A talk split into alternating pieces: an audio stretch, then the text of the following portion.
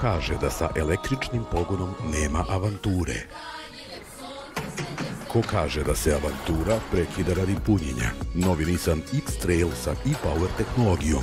Jedinstveno elektrifikovano iskustvo koje ne zavisi od punjača. Ćao svima i dobrodošli u još jedno izdanje Lab 76, dobrodošli u izdanje 287, pretpostavljam da je, ukoliko sam dobro zapamtio, sve ih je više i više i više. I dobrodošli u izdanje posvećeno Formuli 1. Ne zamerite, hvala za razumevanje što krećemo 22 časa, s obzirom na činjenicu da naš dragi Pavle jedinstveni Živković je negde u vodama Waterpola, ne znamo tačno gde je, čekamo ga, stolica ga čeka, kadar je spreman, publika u studiju je spreman da pozdravim navijače Ferrarija, Red Bulla, Leclera i Alfa Taurija, je li tako? To je To je zvanično, dakle, sve imamo ovde ekipa mala odabrana, mada sve veće, još samo paja da nam stigne i da krenemo u akciju. Ljudi, šta da vam kažem, dobro nam došli, mazite se i pazite se i budite dobri jedni prema drugima pre svega. Udrite like, a možete i subscribe. Mnogo je ne-subscribera koji dođu, pa čekajte, budite nam subscriberi, to nama i tekako znači. Znači YouTube-u, pa onda on pojača malo na algoritam i tako dalje, tako dalje. Imamo večeras puno toga o čemu ćemo da pričamo. Naravno, Saudijska Arabija je iza nas, velika nagrada Saudijske Arabije u Jedi, Formula 1 Imamo naravno i naše standardne teme kada je reč o nekim malo širim, da kažemo, temama i stvarima, pričama. Neke su lepe, neke nisu uopšte lepe, ali moramo da ih podelimo sa vama. Krenut ću, nažalost, od onih koji uopšte nisu lepe, za onih koji su pratili 99 yardi ili Luku i Kuzmu, nažalost znaju, ali za one koji ne znaju, koji su sa nama na Lab 76, samo da znate da, nažalost, naša akcija da pomognemo Maji Nedić nije uspela. Novac koji ste vi prosledili nama i koji ste uplatili za humanitarne svrhe, to je da pomognemo Maji, ćemo proslediti dalje na zahtev njenog partnera, našeg dragog Nenada Milunovića. Taj novac ćemo uputiti nekom verovatno detetu, dakle Nenad će to da odluči, ali nažalost Maja više nije sa nama. Bili smo i na sahrani u subotu, ne želim da pričam previše o tužnim stvarima, ali činjenica da su one deo života i da uh, smo prilično svi bili potreseni, pogotovo prošle nedelje. Život svakako ide dalje, međutim, jedan mladi život je ugašen i nije kao nekim filmovima kada odete na sahranu nekoga koji dožive neke pozne godine, čak i, i, i kada, nadam se ja to doživim, svaki dan će mi značiti, verujte. Tako da ne veze koliko ko ima godina, to je uvek tužan moment, ali nekako drugačije kada se ugasi mladi život.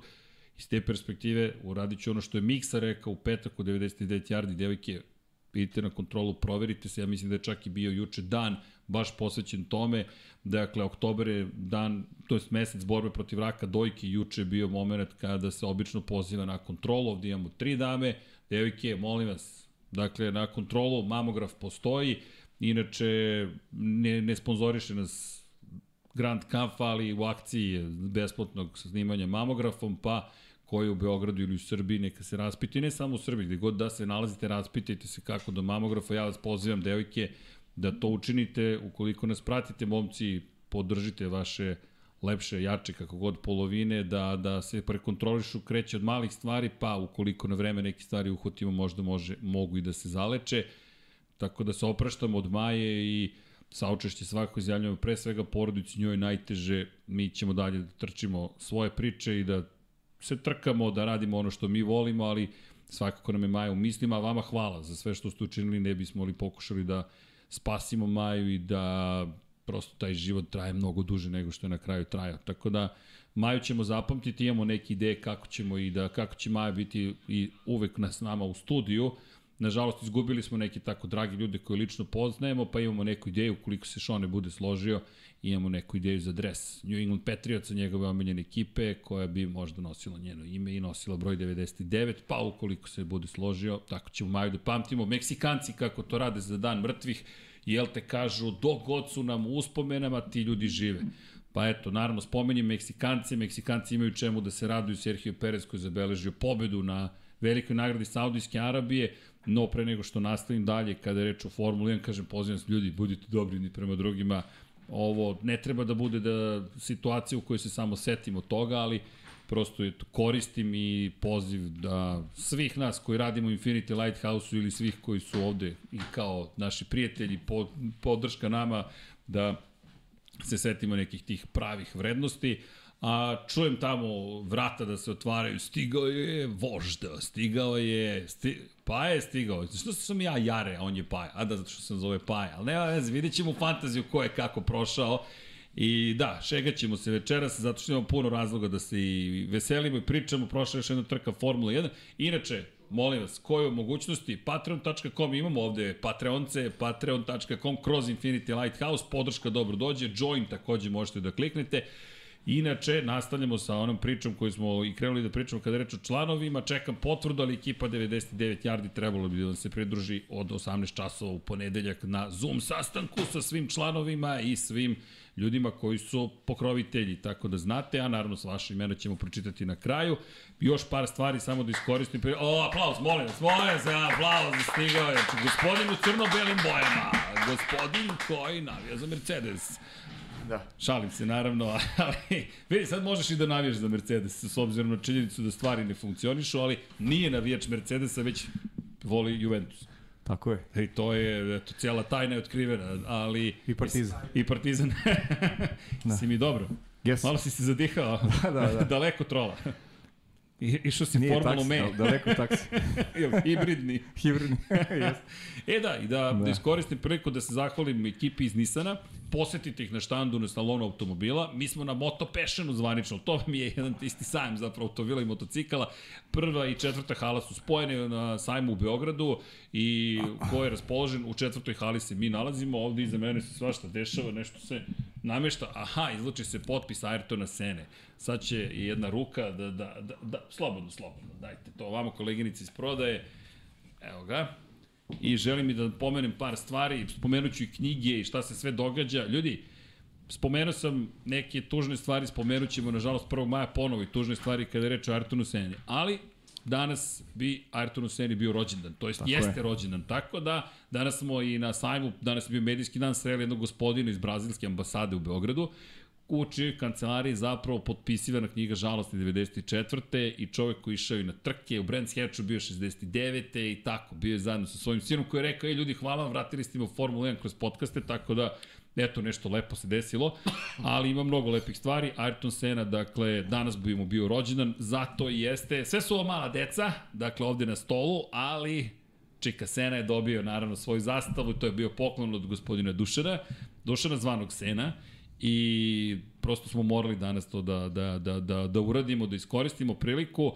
i eto, napominjem prosto da, da se mnogo radim. Inače, ja bih već pustio u pretprodaju Ayrton Senna knjigu, ali poučen iskustvima sve njegove trke, dok ne uđe u štampariju nema šanse. Dakle, da ne bi došli, da ne bi smo došli u situaciju, e, kad će biti knjiga, kad će biti šampioni Formula 1, dobili smo večeras pitanje, dobili smo danas i datume kada možemo da uđemo u štampariju, mi ne odustajemo od našeg grafostila, fenomenalne štamparije iz Kragujevca, tako da ćemo sledeće nedelje znati tačan datum kada stiže F1 šampioni, znaćemo i tačan datum kada stiže Dinastija i znaćemo tačan datum kada stiže Ayrton Senna. Tako da znate, mi to en masse što kažu, a oni koji žele, neki su već kupili, ljudi, stiglo je 49 primjeraka ove knjige, 7200 dinara košta. Zašto? Zato što ove godine poskupile su dažbire na ovu knjigu. Mi nismo podigli cene, ali je država rekla to je skuplje sada. Tako da znate, ali možete da kupite shop.infinitylighthouse.com. I mislim da sam Pajo potrošio dovoljno vremena da možemo da krenemo u podcast posvećen Formuli 1. Hvala. Ne, ne, hvala tebi. Učinio si mi. Već sam se zabrinuo bio malo, razmišljam, ok, mi moramo da krenemo, običali smo u 22.00. Ja sam ti rekao, kreni pa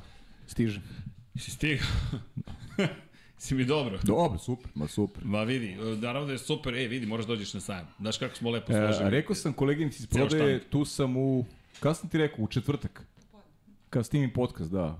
U četvrtak popodne, podcast, da. četvrtak sam tamo popodne i velike su šanse da dođem i petak to bi bilo lepo, ko može, da. salonu to. E, evo, evo ga naš štand, ljudi, ako se pitate šta je ovo, još uvek ima par fotografije koje smo podizali u tom trenutku, izložba Valentina Rossi, izložba Formule 1 i jedan Ninja 1400 custom zapravo, koji nam je Slavko iz Novog Sada pozajmio da stoji. Samo dva customa su trenutno na sajmu, jedan je naravno na Infinity Lighthouse štandu. Inače, posebno zadnja viljuška uvezena iz Amerike. Pa, ko voli ovakve stvari, dođite. Inače, u subotu i nedelju ćemo emitovati trke Moto Grand Prix, a direktno, dakle, na sport klubu će biti, kreće da. sezona. E, subota ide malo komplikovano, ali vidjet ćemo kakav nam je raspored. Pa... A ja ću biti kao i ti pa, u da. kabini, tako pa, da. da. To je to. Bićemo putem Ali četvrtak i petak prisutni. sam sigurno tamo. Sad Pa da. petak u nekom radijem terminu, a četvrtak popodne. Eto, to je Eto. to. Ja mislim da smo završili ovo do 15 minuta i možemo da krenemo. Ljudi, zbog onoga zbog čega smo se okupili, e, navijači Alfa Tauri jedno čekaju analizu njihove trke i šta se to desilo zapravo u timu iz Fajence. Pa odakle da krenemo? Nigde vris kao najvažniji. Šalim se, naravno, ljudi, krenut ćemo naravno, odakle da krenemo? Naslov nam je dominacija, dram, skand, drama, skandal. Ja mislim da smo u tri reči opisali Pa situaciju. da, možemo na kraju o tom skandalu. Da, skandalu na kraju, ali bada mnogo ljudi me pitalo baš za skandal. Jel te, Pa Fernando znam, Alonso ali- je treći ili nije treći? Treći je na kraju za one koji su, neki su gađali televizor, danas sam čuo na sajmu i nisu ni gledali dva dana vesti i danas, i juče tek u Luki Kuzmi saznak, pošto sam gostovao da je Alonso treći ipak. Pa da. Ne, Na kraju, da, ne znaš, to toliko, toliko su ljudi bili razočarani, besni, ali pričat ćemo o tome kao što si rekao. Ne, Pa mislim, aj, mislim kako god hoćeš, meni je sve mi jedno, prosto imamo Imamo slobodu. Svo vreme Ma daj da se, pričamo ajmo, što ćemo, prva stvar, Red Bull, ako je neko imao bilo kakvu sumnju ili pitanje zašto govorimo da je Red Bull taj koji bi mogao, rečima Đorđa Russella, vozača fabričke ekipe Mercedesa, da osvoji, da pobedi na svim trkama, mislim da smo odgovor dobili u Jedi. Ja, Pavle, ne znam da li ih je iko ugrozio na bilo koji zbiljniji način. Pa znaš kako italijani pišu, to je Red Bull i svemirski brod. Kad stavljaju take, takve etikete u poređenju sa Ferrarijem, onda ti je onda ti je sve jasno. I stvarno jesu svemirski brod. Ne, ovaj RB19 zaista izgleda, izgleda kao jedan od onih bolida kojim će se pričati. Pa, ne, ne možeš mu ništa, bajke. znaš. Ti, ti sada kad, sa, kada analiziraš onaj, bila je ona komentatorska kletva, ono sa moje strane u kvalifikacijama, ali ti u suštini ovaj, Za hendikep ti, Maxa ti Verstappen. čak, čak i sa tim hendikepom nisi imao trku koja zadovoljava prosječnog gledalca. E, ali prvi put Neko da ko, ni ne, hendikep neko, nije da, pomogao. neko ko nema, neko ko nije nije motivisan navijenjem za, za tim, za vozača, za bilo koga, nego ko voli samo trke i zanimaju ga zanimljive trke. Ali meni je bilo uzbudljivo, moram ti priznati. Meni nikad brže nije prošlo 50 krugova u Jedi. Pa dobro, okej, okay, ali ja, ja pričam ti iz pozicije borbe za, za, znaš, pobedu. Za pobedu znaš, to je... Nije je bilo. I mi jedinu dilemu koju smo imali da li će biti timskih naredbi od strane Red, Red Bulla. I ko će na kraju voditi u šampionatu sveta? Pa da, eto, ako je to, ako je to Sergio neka, Perez neka Max priča, Verstappen? jer znamo da, da, da na nivou Verstappen i Perez nema priče ništa. Čekaj, misliš da se hvatamo za slamku, da izmislim, izmišljam ja priču zapravo, Pa- da će biti uzbudljivo Pa između da, ne izmišljaš priču, Verstappena? nego ti si bio motivisan time da neki da jedan Meksikanac bude lider u Pa šampionatu, to! makar nakon dve trke, ali ali generalnom plasmanu nema priče. Max M je bolji vozač, ima podršku ekipe, tako da borbe za titulu nema sad. Oni koji očekuju da će se njih dvojica boriti za pobede, pa neće.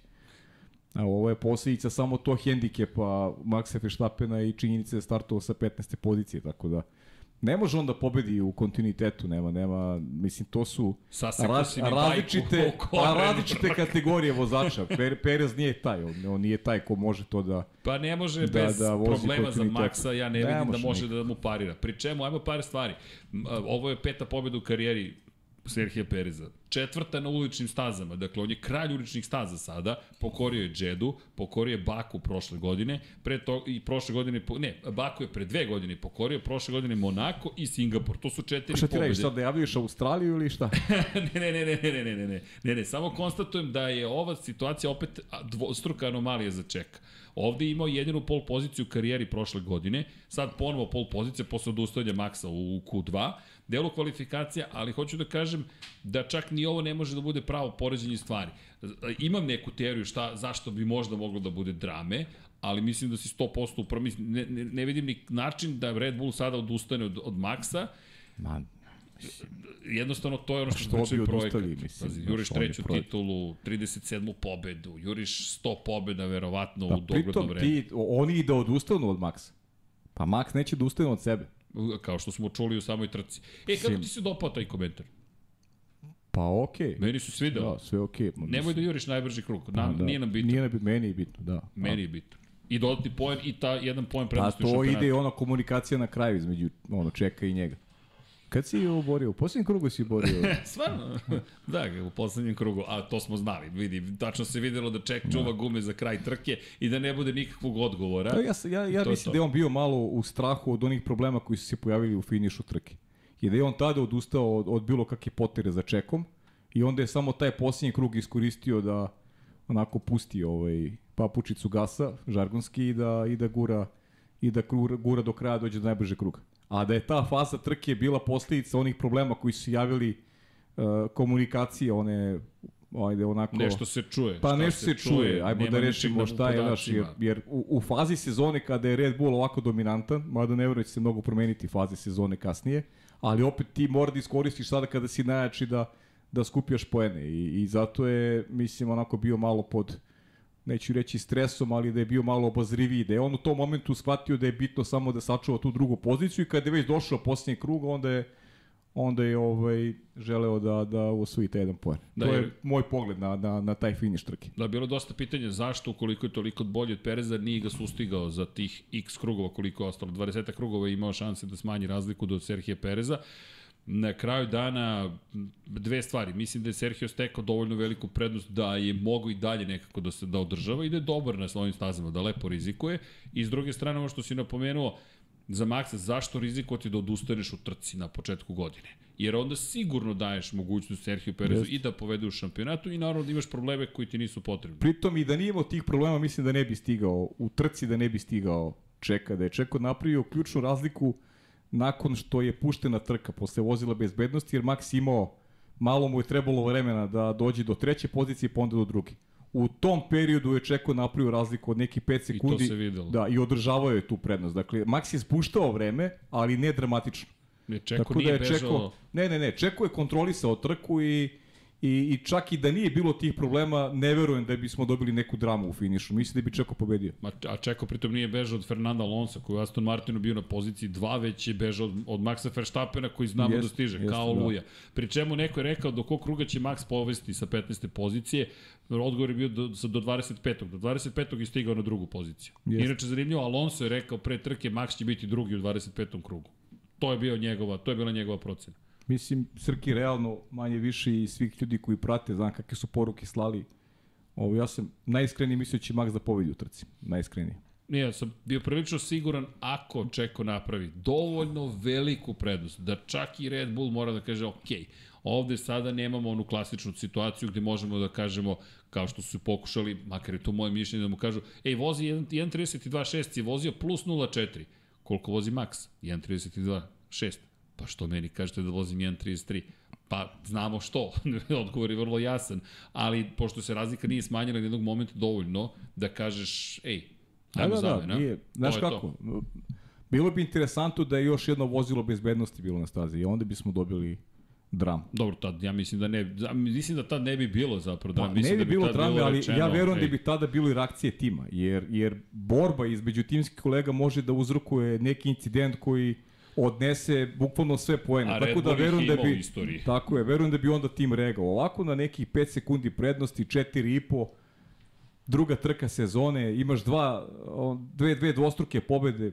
Mislim, u suštini nema razlike, iako priznajem, očekivao sam da će i biti.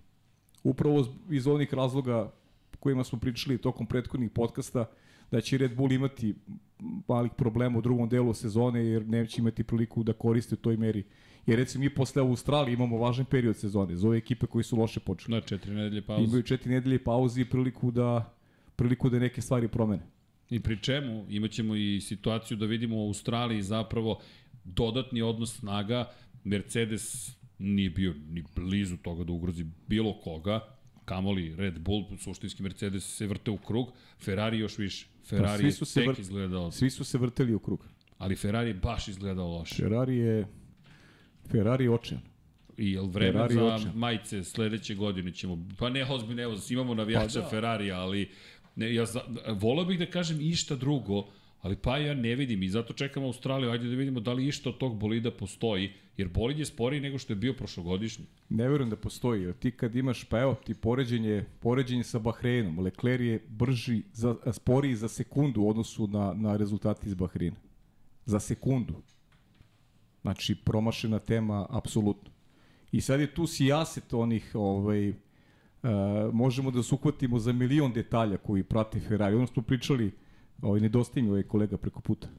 E, na, on, je, on je tek na sajmu, da. on ja mislim da živi sledećih x da, za nedost, nedostaje mi kolega preko puta, pričali smo o tome, znaš, ono, ono, onaj period magnovenja njihovog, ono, dolaska Frederika Vasera i ekipa koja se ponašala kao da su u strahu, ljudi su kao da su bili u strahu šta će biti s njima i u tom procesu, izgubili su mnogo vremena, John Elkan i društvo, da pritom taj bolide pravi Matija Binotto.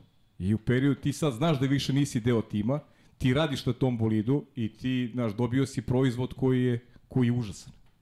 Užasan, ne, ne, ne, ne znaš prosto, i onda ide ona izjava Frederika Vasera, kao ne mogu da verujem šta se dogodilo, kao na meki gumama smo bili sjajni, e, kvalifikacijni krug, krug sjajan, šta se desilo u trci. To šef tima postavlja glasno pitanje. Pa, mislim, to je, ne znam, baš je, baš je ovaj stanje, stanje je katastrofalno. Ima, ima... Kako oni izgledaju na tvrdim gumama? Oni, oni na tvrdim gumama imaju tempo kao, pričao si, šta si rekao, Alfa Tauri? Pa tu su negde na nivou Alfa Tauri. Da nema ti kvalifikacijnih krugova, mislim, Leclerc imao strašan kvalifikacijni krug i opet se, po, još je gore nego prošle godine. A znaš šta je meni još gore, zapravo još gore, šta još više zabrinjava u celoj priči? Vaser je došao, super, i sad menja se tim i ono što smo rekli prošlog puta, bila jedna lepa analiza, pozdrav, u komentarima je bio na, na prethodnom videu, baš komentar na to kako zapravo pogrešno posmatramo situaciju s obzirom na činjenicu da mora nešto da se menja u Ferrariju i zašto sada to kritikujemo. Ne kritikujemo mi promene, mi samo kritikujemo tajming. Ti, vi, Ferrari je bio blizu Red Bulla prošle godine. Čekao se taj napredak da ugrozi Red Bull ove sezone, a Ferrari je stagnirao dok je Red Bull napredovao i još jedna stvar, sada se stvari menjaju, dakle to znači da je sigurno ova sezona već izgubljena, to je gotovo sigurno izgubljena sezona, Jel imamo garancije da će sledeća sezona biti do, ne. dobitak odjednom? To je... Ili sad ovaj novi tim trebamo još 2024. da bi se spremio za 2025. A pazi sad ovo, 2026. nova pravila za Jest. tim koji ne može da se snađe u ovim novim pravilima koje polako postaju stara pravila. Pa da, ali to je upravo je ta, to je neka, neka centralna priča, to je tajming promena i šta se dešavalo nakon promena. Koliko je vremena izgubljeno da, da se ništa nije John Elkan se oglasio i rekao da će saopštiti šta se oko nekih stvari vezanih za tim. Mi smo čekali mesec i po dana da dobijemo neke prve informacije. A Frederik Vaseri je već ustoličen. Da. I ti sad imaš poziciju da ne znaš u ekipi si, a ne znaš da li ćeš ostati. I to ono što smo i rekli. Na, to utiče na psihu ljudi, znaš, to je, znaš, zašto bi se ti bavio nečim, a nemaš sigurnost da, da ti taj projekat da ti taj projekat treba da i da dovršiš. I Ferrari je tu izgubio, pa to smo pričali u podcastima još u tom periodu, da Ferrari tu gubi vreme, jer, jer čovek koji je radio na tom bolidu i je dobio otkaz. Dakle, on nije kao neki prebačen u fabriku, sad ćeš da radiš druge stvari, nego je on zvanično zvanično je dobio otkaz i otpušten iz ekipe. Nije kao Rueda nagrađen da bude neka tehnička podrška u, u Maranelu. Čovek koji je ono, ne znam, katastrofa. To je, to je čovek koji je bio za, za momentalni otkaz. Oni su dali otkaz Matiji Binotu, čoveku koji im je radio koji im je radio ovaj bolid za 2023. godinu. Da, inače ima puno stvari, na primjer, apropo Ferrari, Ferrari je ponovo bio najbrži tim kod promene guma. Dakle, nešto se pozitivno desilo, ali to nije dovoljno, to ono što smo videli. Džaba kad je to za da. šestu, sedmu poziciju. Ali pazi, imam, imam pitanje za tebe za Ferrari imam mnogo pitanja. Dakle, vozilo bezbednosti, ili uopšte trebalo da bude vozilo bezbednosti ili ono bilo dovoljno za virtualno vozilo bezbednosti? A, pa je... sudeći po trci Formule 2, bilo je dovoljno za virtualno vozilo bezbednosti, ali a, ako tumačimo, ali znaš i sam da tu ovaj, nema, nema veze jedno sa drugim. Vidi, i parkira, Stroll je zaista čovek, samo što nije pa, uvukao bolid mo, na bezbednost. Možda bismo drugačije drugačije danas pričali o Charlesu Leclercu, ne znam koliko drugačije, o Ferrari bismo pričali drugačije, da je ostao još jedan krug na stazi. Jer Leclerc najviše izgubio tim vozilom bezbednosti. Jeste. Alonso, mi smo pogrešili, ja sam pogrešio kod gledanja uh, razlike u vremenima, Alonso je bio 7 sekundi ispred Russella. Ja moram ti priznam, ja i dan danas kada bi mi neko pitao, ja bih rekao da je bila razlika oko 3-3 pa, sekunde, da ne je bilo 7. Kako nam je ne kolektivno, kako. i vratio sam posle da pogledam, stvarno piše 7 da, sekundi. Znam da si, znam da si gledao i gledali smo zajedno u kabini, ali kažem ti da mi sad neko opet pita, ja bih rekao 3,5 sekunde, jer sam ubeđen bio da, da nije bilo više. 100%, ali to je verovatno onaj moment kad jedan drugom, da, da, bilo je 3,5, bilo da, 3,5, da, da. ok, i on rekao... Ubeđujemo jedan drugo, zato što smo to videli posljednji put kad smo gledali, toliko je bilo. Da. Ali činjenica da Alonso nije zapravo bio miljenik sreće kada je reč o vozilu bezbednosti, ništa mu nije promenilo suštinski, ali Leclerc je mnogo izgubio. Ali me to dovodi upravo sad, vratit ću se na tu temu, ajde, ajde odmah da završimo vozilu bezbednosti.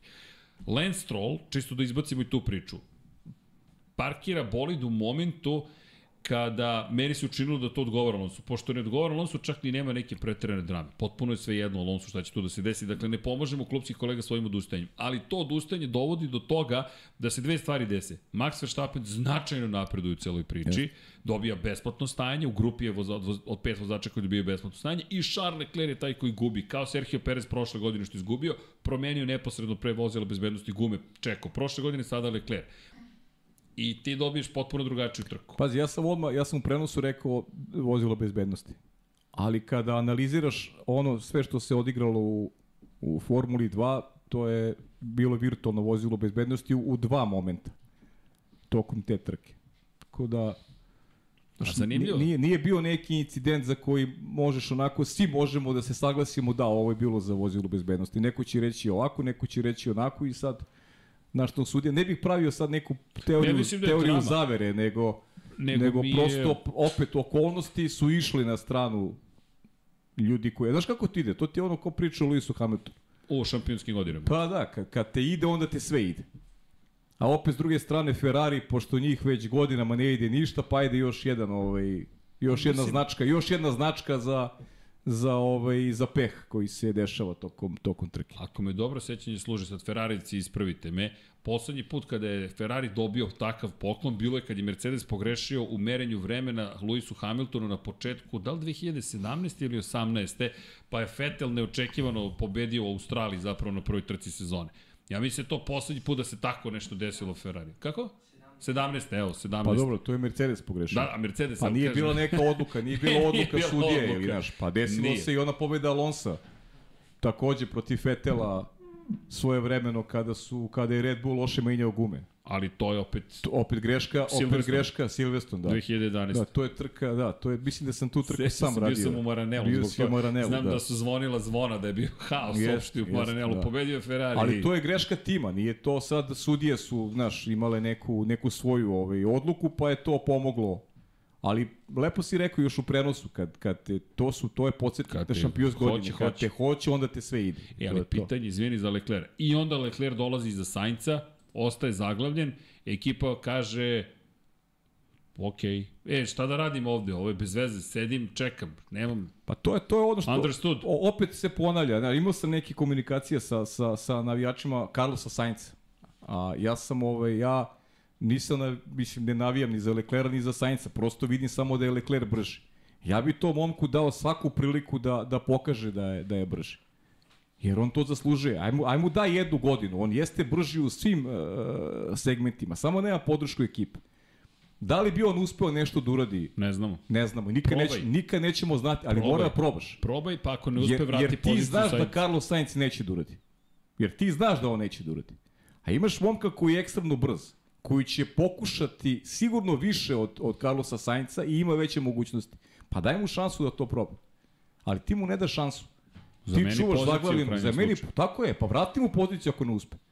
I Do pitanje, kraja trke mu vrati poziciju, i sve okej. I pitanje okay. Carlosovo, box box, nema. Pa da, ja sad to ne znam, da li greška grafike, da li šta je bilo, stvarno ne znam. To ja, ja ne, da priznam, nisam vratio unazad kompletnu Ne samo da nisam vratio, nigde, nigde nisam našao uh, priču o tome. Znaš, niko se time nije bavio. Da li je to neka... Pa, da li ti to isto nešto govori o tome šta je Ferrari uradio u Saudijskoj Arabiji? Pa ne znam, Ni ne blizu pobjedičkog postolja. Pa nisu bili, nisu Ni bili blizu. priči. Kažem ti, eto mi se sad hvatamo za neki detalje, jer ja volim o tome da, da, da pričam, da insistiram na tome, zato što, zato što svi vidimo da je, da je Charles Leclerc mnogo brži od Carlosa Sainza. Mnogo brži. Pa dajmo onda neku šansu da vidiš da će da ti da, da ti da neku povratnu informaciju. Jer ti si imao na kraju, mi smo imali finiš trke koji je bio prilično nezanimljiv. Pa, Znaš, najzanimljivije, u... meni je bila prava drama, iskreno, to je meni bilo pravo trkanje između Verstappena i Pereza. Da oni nisu da. jurili najbrži krug trke. Ja mislim da bismo u, u, mi Uopšte ne pričam sad o njima. Ja sam mislio da ćemo dobiti trku za treće mesto. Nije Ali imao si, imao si jedan karavan od tog 19. kruga. Ti nisi imao, nisi imao ni jednu bitku u najavi na nivou, ne znam, Alonsa, ne znam ko je bio iza tamo, Rasela. Magnussen imao veću bitku za desetu poziciju. Pa da, On pa, se jurio pa to je bilo najinteresantnije bitku, u stvari s deseto mesto. Da. A Znaš, ostalo smo čekali za... Russell zakucen iza Alonsa, onda si imao iza Alonsa, ne znam, uh, koga? Uh, Iz Alonsa ha, Russella, pa Hamiltona, Hamiltona i onda pa Sainca i. Leclerc zakuceni, bez, bez duela, bez ičega. Od 18. kruga, 19. Nisi imao trku uopšte.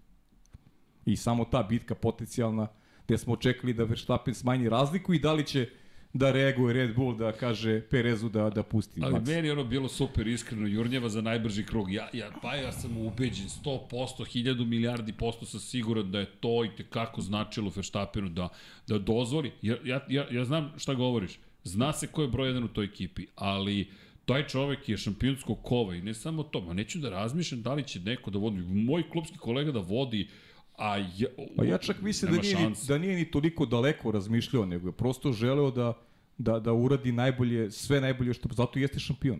Jer ti svaku trku iskoristiš da, da daš sebe u nekom najboljem, najboljem svetlu, da, da, da budeš da budeš uvek maksimalno brz. To to radi šampion. možda ja pravim lažnu dramu, ali ja stvarno sam ubeđen, ja, ja na njegovom mestu, i da, da je takav odnos, a videli smo prošle godine, nije hteo da ga pusti u Brazilu za šestu poziciju, ja bih rekao, nema šanse. Čeko, nema teorije. Ti da vodiš u šampionatu sveta ispred mene, nema teorije. Ne da. Moguće, ne znam. Ja. Ne, ne, vidi, nemam pojma, to Ma su da, samo ne moje. Pa pretpostavke. okej, da, polemišem. Ali, ali mi tako deluje, znaš, da, da je to, to pravo trkanje. I, znaš šta mi se videlo? To trkanje između njih dvojice. Čekaj, ulična je staza, jedna greška, zid, bum, gotovo, kraj. Ne, idem na najbrži krug. Idem ja na najbrži krug. E sad, naravno, Red Bull, deluje ovaj RB19 da je stvarno raketa, ti daje opciju da ne moraš ti ni da rizikuješ previše. Ma. Jer Max je spustio na 31.9 u poslednjem krugu. To znači da su oni imali lufta koliko hoće. Bukvalno, I ono što je Lewis Hamilton prokomentarisao, mnogo ljudi se time bavi. Nikad nisam vidio brži bolid od ovoga. Samo da se razumemo, kako ja razumem komentar, na nivou onoga što se događa na startno ciljnom pravcu, kao i prošle godine u Teksasu kada ga je Max pretekao, rekao, dakle si stigao da me pretekneš i sad se povela priča, to ćemo da analiziramo u četvrtak u tom zadnjem krilu Red Bulla i da li DRS sistem oni drugačije koristi, da li su opet našli nešto u pravilniku gde su dogurali do toga da ga malo saviju i da dođu do granice pravilnika. Evo, odmah da vam odgovorim, 100%, poznajući Adriana Njuje, tehničkog direktora i genijalca koji su izad mnogo bolida u Formuli 1 uspešnih, siguran sam da je išao do krajnjih granica tumačenja pravilnika, ali čestitke Red Bullu na tome, na njemu i Njuje i Pa cijeloj da, ekipi. nije, nije Red Bull kriv što su drugi ovaj Isto smo pričali za Mercedes. To smo pričali, ima ja ne vidim neku razliku. Okej, Isto mislim, znaš, to je neki subjektivni osjećaj ili Luisa Hamiltona i sigurno da mu sigurno da mu smeta pre svega, mislim, znaš, to, Pa je- može to je popuno da realno. Pa kako, ne može nikome da prije. Kao što nije prijela ta dominacija nje- njegova u to vreme i Mercedesa, evo sad smo se opet vratili u To je, mislim, u Formuli 1 nije bilo mnogo sezona kada si imao poklapanje u formi timova, da si mogu da gledaš neke velike bitke na, na nivou, na nivou ovaj, konstruktora. Problem je što više u ovoj modernoj formuli i razmišljanju šefova timova, znaš, neće Red Bull da dovede Luisa Hamiltona, pa da imamo duel Maxa i Luisa. Kao što smo nekad imali Sene i Prosta. Nego imaš jasne podele, jedan i dva. To samo Ferrari, ovakav kakav jeste, ovaj, čoveka koji je značajno od drugog, on mu ne daje prednost. Ja da imaju dva izjednačene vozača, ja bih razumeo, ali pošto su razlike ogromne između dva vozača, oni, oni ne daju ovom boljem, ne daju prednost i to im je dodatni problem na svu muku imaju. Apropo, inače, Vaser koji je rekao da ne smeju, pa ajde, ne znam kako bih ovo preveo, ne, they cannot bullshit themselves. Dakle, ne mogu da eh, da se lažu. Ajde da tako da se izrazim, imamo situaciju koja je teško prevodljiva. Kako? Ha, dobro, do ovde do dobacivanja da. su eksplicitne prirode, ne, ne bih ih pustio baš u etar, ali da se ne lažu, ajmo tako da se izrazimo. I Ali ja ne vidim ništa specijalno u toj izjavi da to pomaže. Ok, i šta, rekli ste, bit ćemo iskreni jedni prema drugima. Po, ok. Mi smo videli Leclerov fantastičan krug u kvalifikacijama, desetinka i posporio Serhije Pereza u tom istom Red Bullu. Ne znamo gde bi Max bio, Max bi vjerojatno našao pola sekunde u toj cijeloj situaciji, tako da ne gledam, ne vidim da će SF23 Ferrari biti jednom Da. čudesan, ali Leclerc je pokazao još jednom svoju brzinu. Ali znaš šta je problem? Što su oni pravili ove godine bolid da bude brži na pravcu. I izgubili su, izgubili su na račun aerodinamike dosta. A oni na pravcu nije, nije ovaj, ubedljiviji od, od Red Bulla. Oni su prošle godine u kvalifikacijnim krugovima bili uspešniji od, od austrijskog tima. Mnogo uspešno. I mnogo uspešniji. Ti ove godine, znaš, Leclerc protiv Čeka Pereza, ok, na manje od dve desetinke. Ali, znaš, prijanjanje, ne znam, moraju mnogo da radi. Ajmo ovako, izvini. Šta smo prošle godine stalno pričali iz trke u trku? Tvrde gume na Ferrari. Pa Kako da. stave bele gume, mi svi ovako. Pa evo isto, isto, isto i sada. šta će biti. Ista priča i sada. Još gore možda izgledaju. I opet ista situacija. Prođu, spređu sa mekih na tvrde, ćao. Nema tempa. Ne, tempo nestane bukvalno. Jeste. I onda dođemo u situaciju da pričamo o nečemu što smo pričali prošle godine. Pa ne tvrde gume.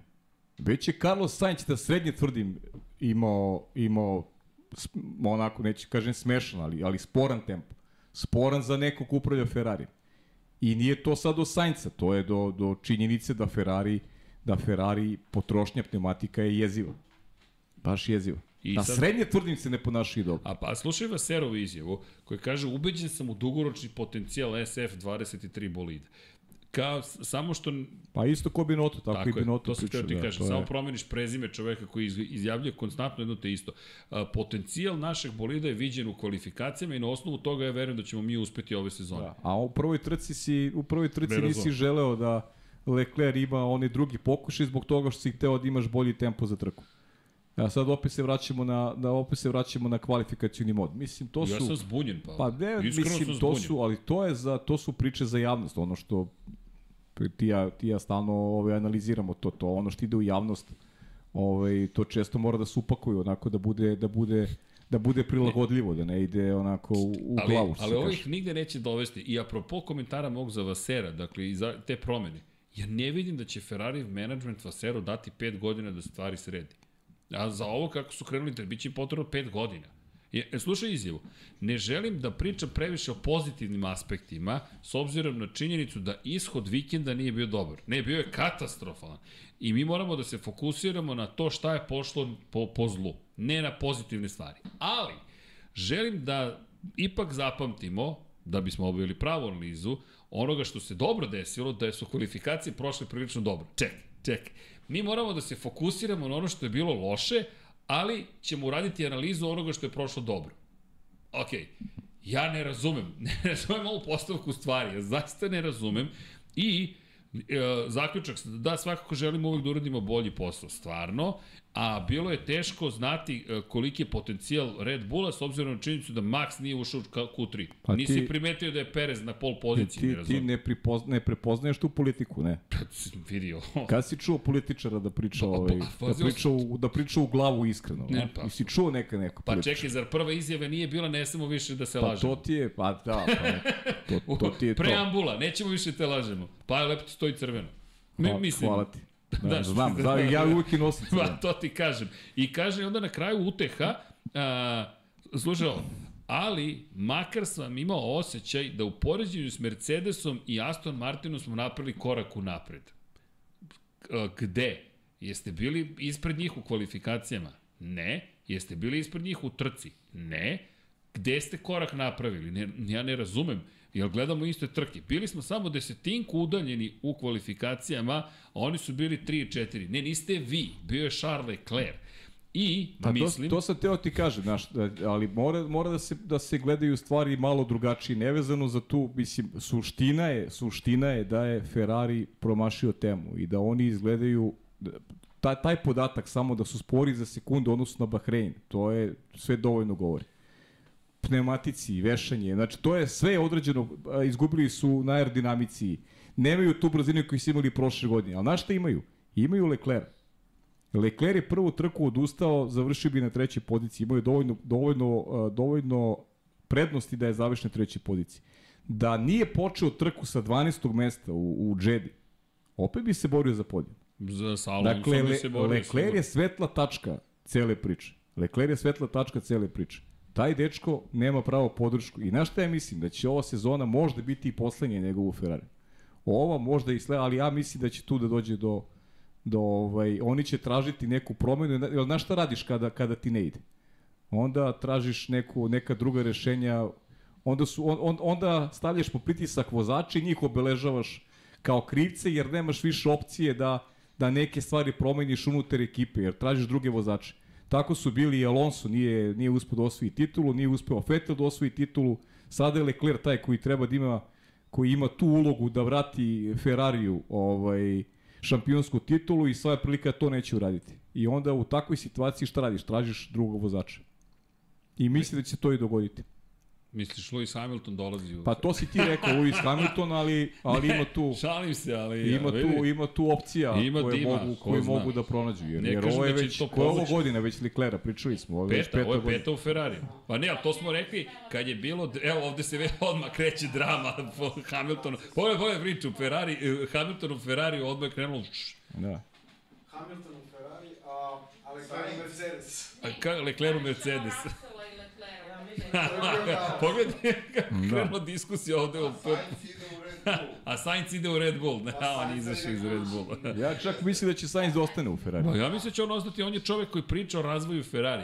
On je taj koji priča o razvoju Ferrari, o tome da je Ferrari već našao slabosti i da je našao korelaciju u vazdušnom tunelu već posle Bahreina i da će ih unapređenje sigurno A pomeriti. on ima nešto što Leclerc nema u Ferrariju, tako da tome smo pričali. Smešno isto. kacigu. A da, on ima, ima neke stvari koje ovaj dečko nema, tako da. Vidi. I pričali smo, i Zoran Živko je ovde pričao i da se sada ne ponavljamo, Ne da ne bude ali- podcast o Ferrariju, bit će možda jednog dana, ali vidi, uvek vidjet ćemo, vreme će, vreme će, Red vreme Bull- će pokazati šta će biti. Ali... Red Bull je toliko dominantan, ja ne znam šta bismo rekli za njih, Pavle, onaj bolid je zaista, pri- ali samo par stvari, i to DRS krilo čuveno, sve je to super, apsolutno, deluje da su i tu našli jedno, inovativno, jedno posebno rešenje, ali ljudi, to je samo još jedan detalj na nečemu što ima vrlo ozbiljnu osnovu i pričali smo o Venturijevim tunelima prethodnog četvrtka, o taj bolid je, samo uzmite u obzir koliko je nisko postavljen taj bolid. Ja znam zašto govorimo tokom prenosa, pogledajte koliko varniči pod bolida Red Bulla. I pogledajte šta smo pričali prethodnog četvrtka, pokušat ću samo ukratko da objasnim par stvari.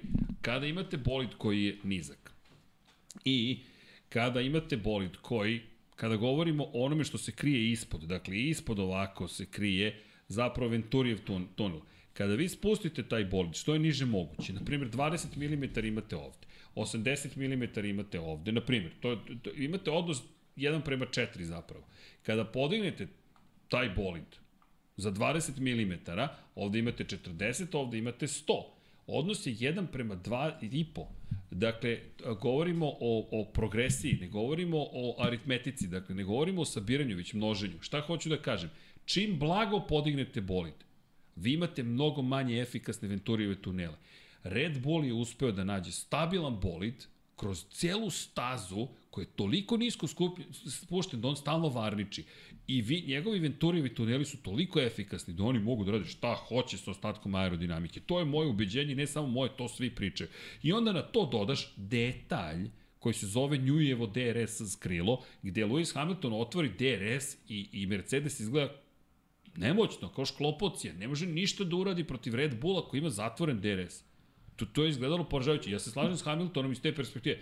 A ovo nisam video Mercedes, neko je spomenuo Brazil 2021. Da, apsolutna dominacija. Ali čak i taj Mercedes nije bio toliko brz na pravcima, što ne znači da nije bio toliko dominantan. Jer Mercedes je 2016. i 15 imao toliku prednost da ni u jednoj trci zapravo niko nije mogao da se meri sa tempom da. su imali Pa dobro, to je pogled naš iz, iz perspektive čoveka Pa, koji Pa, koji putnika osjeća, osjeća, pa da, osjeća da, da je nemoćan i to je po- potpuno je razumljivo što, što tako govori. ali Naš veliki šampion, ono što smo pričali, svestan da, da ovaj, nižu se godine, da će biti prilika sve manje, a ti vidiš na početku sezone da ove godine neće biti ni najmanje šanse da se, da se nešto napravi. vidi kad će oni na pobedničko postolje, ne kad će do pobede. Pa mislim da hoće na pobedničko postelje. Ja i dalje verujem da ova priča Aston Martin neće biti tako, tako slatka do kraja godine. Znaš, da. Ovo je super počelo. Alonso dva podijuma, ali mislim da to neće da traje, da traje previše dugo. Da ćemo opet imati Ferrari i, i Mercedes koji će se boriti za podijum. Znaš kako meni izgleda taktika Aston Martina sada? Posle onoga što smo videli u Jedi. Ostati u DRS zoni Red Bulla što je duže moguće. Pa Znaš dobro. da ne možeš da ih pretekneš, ali neka ti oni bukvalno budu kao vučno vozilo. Pa dobro, to je lokomotiva. pametno radio, Alonso je pametno to To radio. to. U više navrata I onda trci. Russell to ne može da isprati i onda kada je ispao iz DRS-a, samo je počeo da usporava, ali da održava tu prednost. I onda dobijemo Aston Martin koji je trenutno drugi najbolji, tu se slažem sa Saincom 100%. Rekao je Jeddah, Saudijska Arabija je pokazala da mi nismo druga najbolja ekipa u šampionatu sveta Formule 1. I nisu, nije ni Mercedes. Trenutno je Aston Martin. Nisu, da, nisu definitivno. Ono što je problem su kvarovi. Nisu definitivno, mogli su da budu da da Leclerc je završio prvu trku i da nije startovao kao 12. drugo. A i to je Jer pitanje. Bolje bi Da bilo da, da analizira ono što je on uradio u dve trke. Ne, pogledaj ovo, 87 poena od, mos, od mogućih 88 ima Red Bull, na drugoj poziciji Aston Martin, ima isti broj poena Mercedes, pošto je odustao jel te Lance Stroll, da nije odustao, imali bi prednost i bodovnu, ali dva treća mesta kao bolji Pa da, rezultati ali op- Fernando opet, Alonso. Mercedes opet uh, takav kakav jeste, opet završava trke i uzima, tako isto bilo i prošle Pa da, sezone. bili po najpouzdaniji. Znaš, oni su završavali trke i negde u nekim granicama mogućnosti su Ovaj, ja opet mislim da će Mercedes do kraja, ne slažem se sa Georgeom Russellom da će Red Bull pobeđivati upravo zbog te, zbog te kazne koje čeka Red Bull i to ponavljamo da se, da se ne zaboravi što kaže Deki. I činjenica da će moći više da rade u vazdušnom tunelu, da će pomoći ekipama da smanje razliku u odnosu na Red Bull i da će doći u priliku da se da se bore za za neku pobedu do kraja. Ali ovo, ovaj prvi deo sezone i o tome svedoči ovaj potez Maxa Verstappena, mislim da bi došao i na jednoj nozi ovaj, u tr na, na ovu trku, na ovaj trkački vikend, jer mu je važno da ovaj period sezone, kada je Red Bull dominantan, iskoristi najbolji mogući, mogući način. On je toga, toga svestan. Šampion je i uh, zna čime upravlja, tako da Mislim da se u Australiji neće mnogo razlikovati trka od, od ove dve. Vidi, hoću da postavim jedno pitanje publici, a pitanje će glasiti, e, dakle, pripremite se. Imam pitanje, nije nagrada, samo eto, e, igramo se malo. Tako da, ko nas prati, ljudi udrite like, naravno, kada ste već tu, kada ste nam se pridružili, a ovde svi vaš u studiju da su udarili like. Boris se, Paola, tu nam je dežurni penzioner. Da. Autor ovog. da, da, autor, autor potpisa Ayrton Senna. Da. E, ali ljudi, ali stvarno nije šala. Imam pitanje i krajnje je ozbiljno, evo upravo ga postavljam, a pitanje glasi koliko, koliko, koliko sezona je Mercedes započeo od 2014. godine dvostrukim pobedama. Dvostru, dvostrukim pobedama jednu, dve, četiri, nijednu. Od 2014. Evo, to je, to je moje pitanje. Koliko, Ne, ne. puta je, koliko puta je započeo Mercedes? Četiri nije sigurno. Ja bih rekao da nije četiri sigurno. ali- Evo, to vam je pitanje. Dakle, ili, ili ni jednom. Kako? 19 sigurno. Ne, ne, ne, evo, to, ja sam postavio pitanje, evo, tamo imate pitanje, pa Odgovorite, da. ljudi. Eto, malo se igramo, čisto da vidimo gde je to... Šta, pa dobro, i može Pa i ima Google, dovoljno ima, ljudi, ali naravno. traži neko vreme da se to sve istraži, pa eto, istražite, vidite koliko puta je, pošto pričamo o tome koliko je bolid dominantan, jednom, dva put, četiri puta ili ni jednom. Dakle, koliko puta su uspeli da zabeleže dve, do, do, dvostruku pobedu? Evo ja ću ti, mogu ja da kažem? Evo, reci. Nijedno. Hoćete da sačekamo, evo, sačekamo 3-4 minuta Sačekaj, samo da publika odgovori, Ajde. pa da, da damo odgovor na pitanje. Evo nisam gledao uopšte, ali Dakle, evo, kažu jednu, dve, četiri, ni jednu. Dosta je podeljena publika, Da, četiri nije 231 glas. Ali ljudi, evo, uh, glasajte. Evo, to ovde se dobacuje dva puta, igraju se da... da evo, pokazat ću ispod stola, da niko ne vidi. Eto, toliko puta. Dakle, kažu dve svi. Evo ja ću vam čitati, evo ići ćemo sezonu po sezonu, čisto da vidimo gde smo u celoj ovoj priči. 2014. godina, dakle to je početak hibridne ere, to je početak ere dominacije Mercedesa. Pobeda Nika Rosberga u prvoj trci, odustajanje Luisa Hamiltona. Ćao 2014. godina. 2015. godina i opet Australija. Pobeda Luisa Hamiltona, drugo mesto Nika Rosberga. A, 2015. Druga trka sezone Malezija. Pobeda Sebastijana Fetela u Ferrari. Ćao 2015. godina. A hoćemo na 2016. godinu. Godinu kada je Niko Rosberg osvojio titulu. Niko Rosberg pobeđuje u Australiji, Lewis Hamilton je drugi. Opa, imamo po dvostruku pobedu. Niko Rosberg pobeđuje u Bahreinu, Kimi Raikkonen je drugi u Bahreinu. Dakle, nema dvostruke pobede. Hoćemo na 2017. godinu. Evo, idemo jednu po jednu. Sebastian Vettel pobeđuje na prvoj trci sezone u Australiji malo pre spomenutoj. Dakle, Nema čak ni pobede, ne, ne, ne jednostruke, nema, ne, ne dvostruke, nego nema ni prve pobede. Zatim, hoćemo na 2018. godinu. Dakle, Australija, Sebastian Vettel pobeđuje ispred Luisa Hamiltona. Čekaj sad, nemamo ni jedno već 2018. godina. 2019. godina, ajde da da će ovde biti drugačija situacija. Valtteri Bottas pobeđuje u Australiji ispred Luisa Hamiltona. Hamilton pobeđuje u Bahreinu, Valtteri Bottas je drugi. Liči situacija. Dakle, ovo je jedna, 2019. godine. 2020. godine, nažalost ona COVID godina, Valtteri Bottas je prvi u prvoj trci za Mercedes, Lewis Hamilton je četvrti. Dakle, nema ni 2000, nema ni 2020. godine. Dakle, imamo jednu godinu toj čuvenoj eri dominacije Mercedesa. Zatim, dolazimo na 2021. Lewis Hamilton pobeđuje, drugi je Max Verstappen. U Znači, svim tim godinama, Pogrešio sam samo jednom. samo jednom. 2019. godine. Dakle, ovo što sada gledamo, čisto da se, da se ponovimo zašto pričamo Red Bullu na ovaj način, zato što se ovo redko viđa. Ovo se stvarno redko viđa. A, a, a jedino što ostaje jeste ta pouzdanost koja je ovoga puta bila slabija u Pa kvalifikacijama. dobro, po, pouzdanost je bila i prošle godine. Sporna pouzdanost. Inače, te 2019. kada spominjemo uspehe, Mercedes činjenica, kad je krenuo, onda je krenuo. Pa dobro, oni su valjda imali, imali su i trostruku, imali su možda i u trećoj trci. I u trećoj, i u četvrtoj, i u petoj. Eto, da. To je tek, Kina- tako, Kina je neka tek bila. u Monaku, tako je, tek u Monaku je na poziciji broj 2 bio Jeste, Sebastian Vettel. Dakle, uh, ovo smo videli samo 2019. godine, ovakav početak sezone za nekoga. Ovo nismo videli u do, eri Pa, dominaciji Mercedes. A to je bila 4, 5, 6, 7, 8, 9, šesta godina te ere. Ovo je druga godina ove nove ere. Nju je napravio, ljudi, nju je dobio Hondin motor koji je do, dovoljno jak, da je napravio čudo, bukvalno čudo. E sad, da li će Mercedes stvarno da u Australiji nešto spremi, nemam pojma, James Ellison se vratio, vidjet ćemo, deluje da, da motor ima potencijal, Aston Martin nam to potvrđuje, E sad, treba složiti ceo bolid, a Red Bull ima ogromnu prednost u ovoj situaciji. Ja ne verujem da će biti neki veliki promena do Australije. Da, da, teško je. Taj Kako period, ćeš da, da, taj period da mesec dana pauze može da, da pomogne ovim ekipama da, da eto, možda dođu do neke bolje forme, ali Australija teško. Da, inače, samo da napomenem za tu 2019. godinu, nije ni trebalo da bude dvostruke pobjede Mercedesa, zato što je Charles Leclerc vodio u Bahreinu, dok mu nije otkazao jedan cilindar.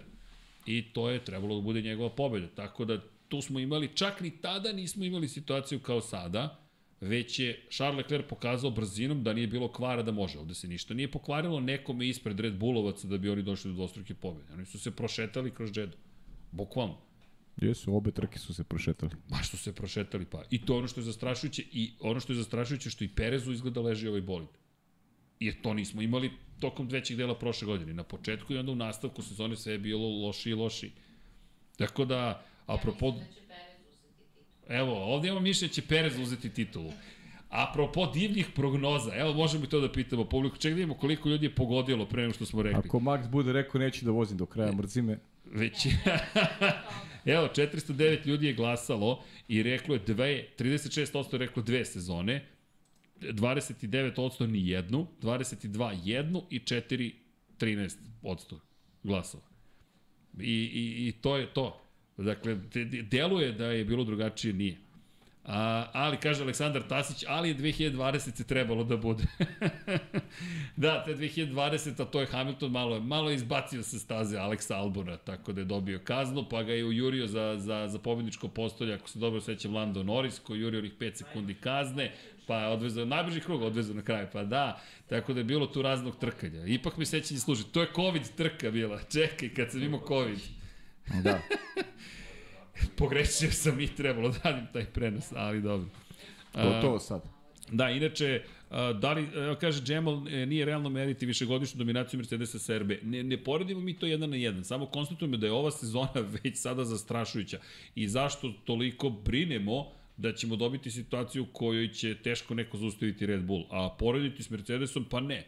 To neko bi morao da osvoji, dakle Red Bull bi morao da osvoji i, i ove godine titulu, i naredne, i naredne, i naredne, i naredne, ne znam koliko imaju od titula za redom, osam A titula dobro, šampiona koga briga konstruktora. sad za sledeću godinu. Tek smo počeli ovo, a imaš ovako brutalnu dominaciju. To je ono što brine, a šta će biti sledećih godina. I sad ostaje pitanje Nemoj da čekamo pouzdanosti. 2026. Da. E, a ima mogu ti iznesem još jednu ludu teoriju. Izvini, verovatno me frizura gura na, na, na, na, na, Na lude teorije, Na lude teorije. Pazi se šta, ne ozbiljno pričam sa drugarom i razmišljam sledeće. Sergio Perez. Zamisli, Meksikanac, to ono što, baš sam istraživao koji je Meksikanac vodio u šampionatu sveta. I onda, znaš, vrtiš po godinama kao ko je vozio. Samo jednom, 1967. Pedro Rodriguez za Cooper, inače sa Maseratijevim motorom kada je pobedio u Južnoafričkoj republici. Pazi, to je vođstvo Meksikanca u šampionatu sveta. Bio je šesti na kraju te godine. Ali zamisli, Sergio sad počne da pobeđuje pruža otpor. Igramo igru, sad teoreti malo se igramo. Ajde. I gde, gde mislim da može da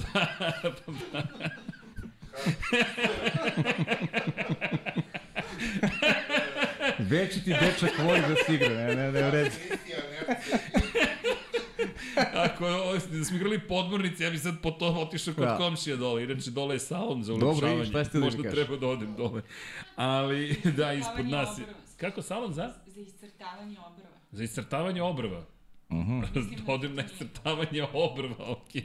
Pa evo, da, ti nemaš mnogo Ja obrva. ne, ja bih mogao da idem na, da, se, da se crtam. Taman, Helen, šta ja crtam u svojoj glavi? Sad zamisli sledeću situaciju. Sad Meksiko, jel te, veliko tržište preko 100 miliona ljudi. Nije tako bogata zemlja svakako kao Holandija, ali pazi sad ovo. Sergio pokriva Južnu Ameriku, Centralnu Ameriku, deo Severne Amerike. Idemo u Miami. Zamisli koliko će navijača tamo biti za Serhija. Pa onda idemo u Teksas, bit će ih mnogo. Američko tržište, znaš, španski jezik se mnogo govori, Meksiko takođe ima svoju trku. I onda u Las Vegas idemo, znaš, kao koncept mi je onako zanimljiv. Znaš, da li to može da bude adekvatna podrška da neko kaže, pa dobro, ajde, znaš, da vidimo da li to može da pokrene neko dodatno interesovanje ili ne. Sad samo teoretični ljudi, ne, ne, ne govorimo o vozačkim kvalitetima, po tom pitanju Max je tad dosta daleko od, od, od Serhija, ali, znaš, ukaže se prilika još neki problem itd. Da bude mogućnost da Serhio kaže, znaš šta, znam da ostajem bez ugovora na kraju sezone, ali koga šiša, ajmo. Ok, tvoj odgovor je dat. Dobro, zaboravite. To ne slažemo se, ne slažemo. Ajde završimo, ajde završimo na Završimo. tome da se ne slažemo, da. Ali da ti kažem, ja bih volao da, da je to moguće, znaš, nego ja prosto ovaj, ne vidim mogućnost kako on može da se ovaj, odupre Maxu Verstappenu. Da, ne vidim ovo opet, trkački, Ovo je da. opet bio incident. Hendikep, ponovo. Opet je bio incident, znaš, nije Mak kreće sa 15. pozicije. Okej, i tako treba pobediti timsku kolegu. Ali, Znaš, znaš, neki drugi vozači to ne bi uspeli, ali... Znaš, pitanje, pitanje je Srki i to kontinuiteta, ono što smo pričali. Jeste, jeste, jeste. I prošle godine je Sergio otvorio dobru sezonu, ali kako je vreme odmicalo, pritom, ekipa, ekipa to je ključna stvar. Ako će oni da ti ovaj namest, nameste po znacima navode da ti ne budeš ovaj, samo ti kaže u ugovoru piše propustim Maksa, ali, pazi sad, izvini, Jer ono što si rekao, Max je projekat. jeste ozbiljan projekat. Projekat zbog koga su oni otarasili su se mnogih ljudi. I o akademiji se više ne priča toliko od kad je Max došao u Red Bull. Ti nemaš tu više, ajde, kaži mi koji se vodač profilisao kroz akademiju da je... U poslednje vreme? Pa niko. Pa nema, Niko. nestaje. Ono, Liam Lawson je u Japanu, vozi super formulu. Pa nema, nema, Čak nema i ljudi. on nije u, u oku javnosti trenutno. Ni. A bio odličan. Jest, jest. Bio odličan. A vidi, ali zašto?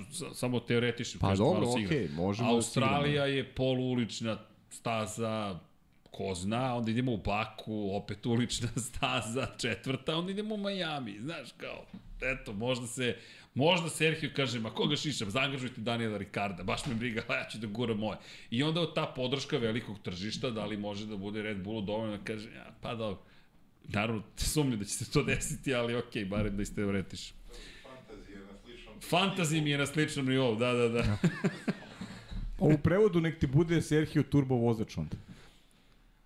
E, pa neću. Pobedio si, potopio si.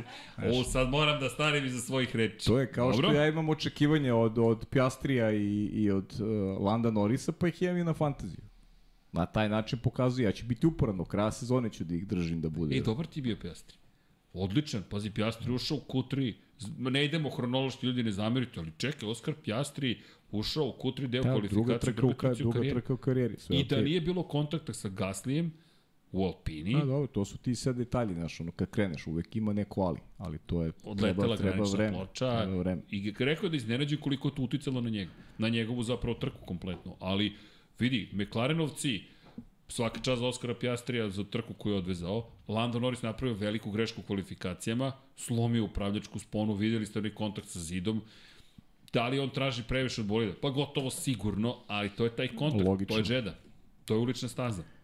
Opet priča šta je bilo, kaj je bilo, vidjet ćemo dalje, idemo dalje. Da, ali baš težak vikend za njih iz perspektive svih incidenta koji su ali neko, neko svetlo na kraju tunela i ono što smo rekli, ko zna McLaren kako će izgleda u Jedi na kraju i opet prič, priča iz prethodne godine. Znaš što mi je nevjerovatno zapravo sad kad razmišljam? Ferrari je ostao na istim pričama od prethodne godine, McLaren je ostao na istim pričama od prethodne godine, Mercedes je ostao na istim Pa pričama od svi, prethodne samo, godine. samo Aston Martin. Samo Aston Pa da, Martin i Red Bull koji gura, i Red Pa, Bull koji je pa, pa i otišao na- Red Bull je ostao na istim pričama od prošle godine. Pa možda se pomerio u napred, a Pa ostali nije, su ostao je stagnirali. na istim pričama u odnosu na period iz drugog dela sezone kada su oni imali apsolutnu dominaciju isto. Tek u finišu je uspeo tome Mercedes malo da poremeti onom pobedom Rasila, ali, ali Red Bull je bio dominantan u drugom delu sezone. Samo je Russell uspeo da ih pobedi. Da, I Alpina pritom Oni su, isto je. oni su samo jednu trku izgubili u drugom delu sezone prošle godine.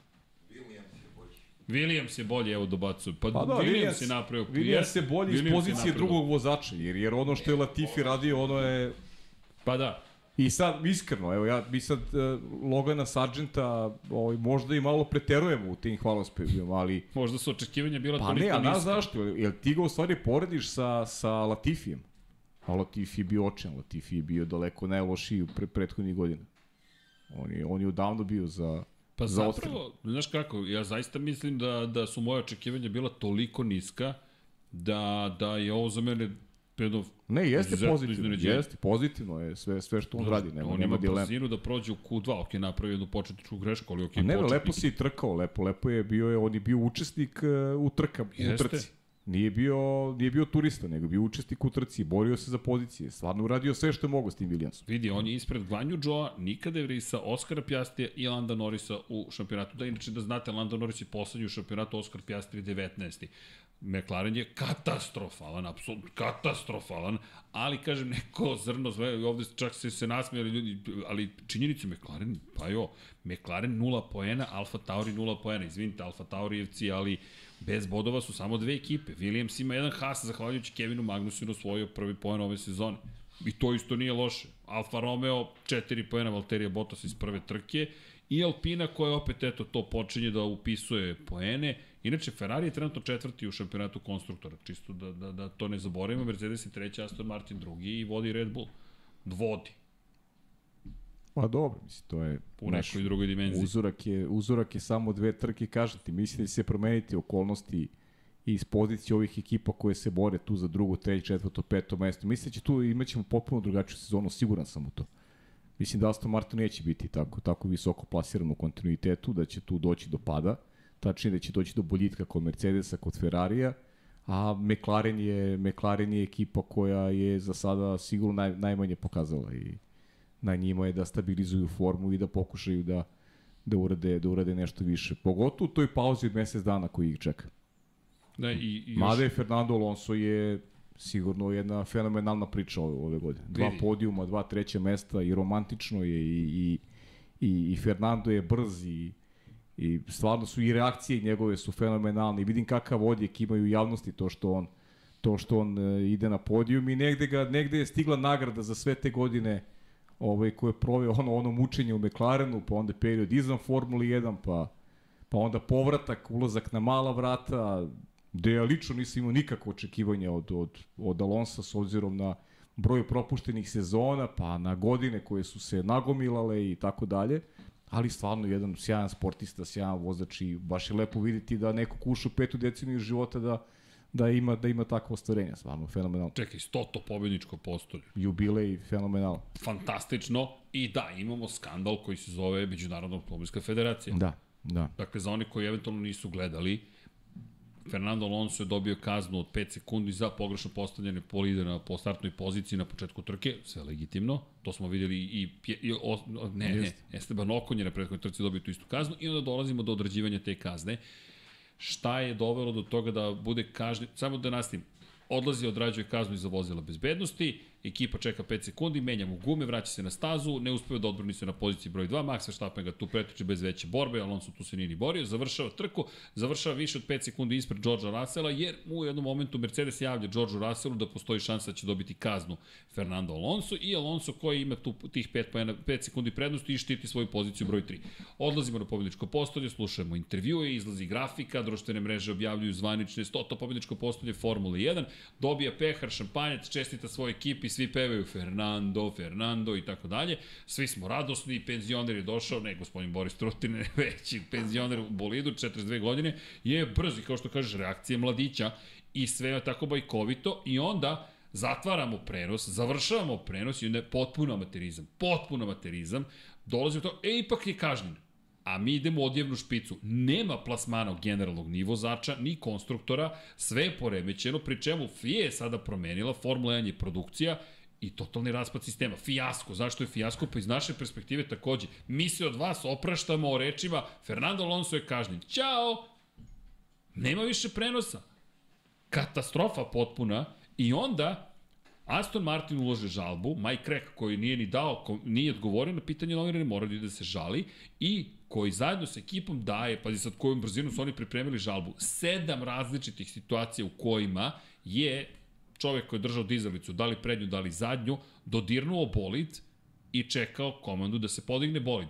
Dakle, sedam puta je već bilo situacije, najmanje sedam, u kojima to nije kažnjevano. Sada je Fernando Alonso kažnjen. Pri čemu čekali su preko 30 krugova da izanaliziraju. Čini se da je Mercedes zapravo uočio prekršaj i prijavio. E sad, ja čestitam, a ja aplauz za Mercedes. Kada god da je to ustanovio, Mercedes je čekao poslednji trenutak da se to uradi. Inače, piše u pravilniku, dosta se spominje 25 minuta, 30 krugova i tako dalje. Ne, ne, pravilnik kaže sledeće. Međunarodna automobilska federacija je obavezna da takmičara i njegov tim zvanično obavesti uz potvrdu da je poruka primljena u roku od 25 minuta od kada izrekne kaznu. Dakle, može kaznu da izrekne i kasnije, jer je ustanovila nešto. Ima rok kada možete da kaznite dok zvanična klasifikacija ne bude zaključena. I nema više kaznu ako niste prekršili, ne znam, sportski sud u Ženevi dođe i kaže ovo je ipak prekršeno neko pravilo. I to čak ne interno pravilo, već govorimo sad o sudu praktično. Oni su to ustanovili dok je ceremonija trajala i saopštili i ekipi i Alonso, to je Alonso je bio gore pa nije mogao da čuje i obavestili Formula 1 koja radi produkciju. Kako to funkcioniše? FIA pošalje podatak u produkciju, r, onaj koji je zadužen specijalne efekte, postprodukciju, grafiku i tako dalje, podigne samo informaciju za nas. Kao neko ko je, da li dama, da li gospodin, znao da je Max Verstappen šampion prošle godine u Japanu. Svaka čast. Dakle, mi imamo situaciju koja je potpuno bizarna i onda se uvažava taj prekršaj. Inače, sa društvenih mreža su obrisali sve postove da je Stoto pobedničko postolje, odnili pehar Georgeu Russellu i rekli mu ti si sada treće plasirani, daj fotku za društvene mreže. Čš, George Russell koji u tom momentu kaže ovo je prestroga kazna za sve što se desilo, a onda FIA kaže, e, tada, ništa se nije desilo.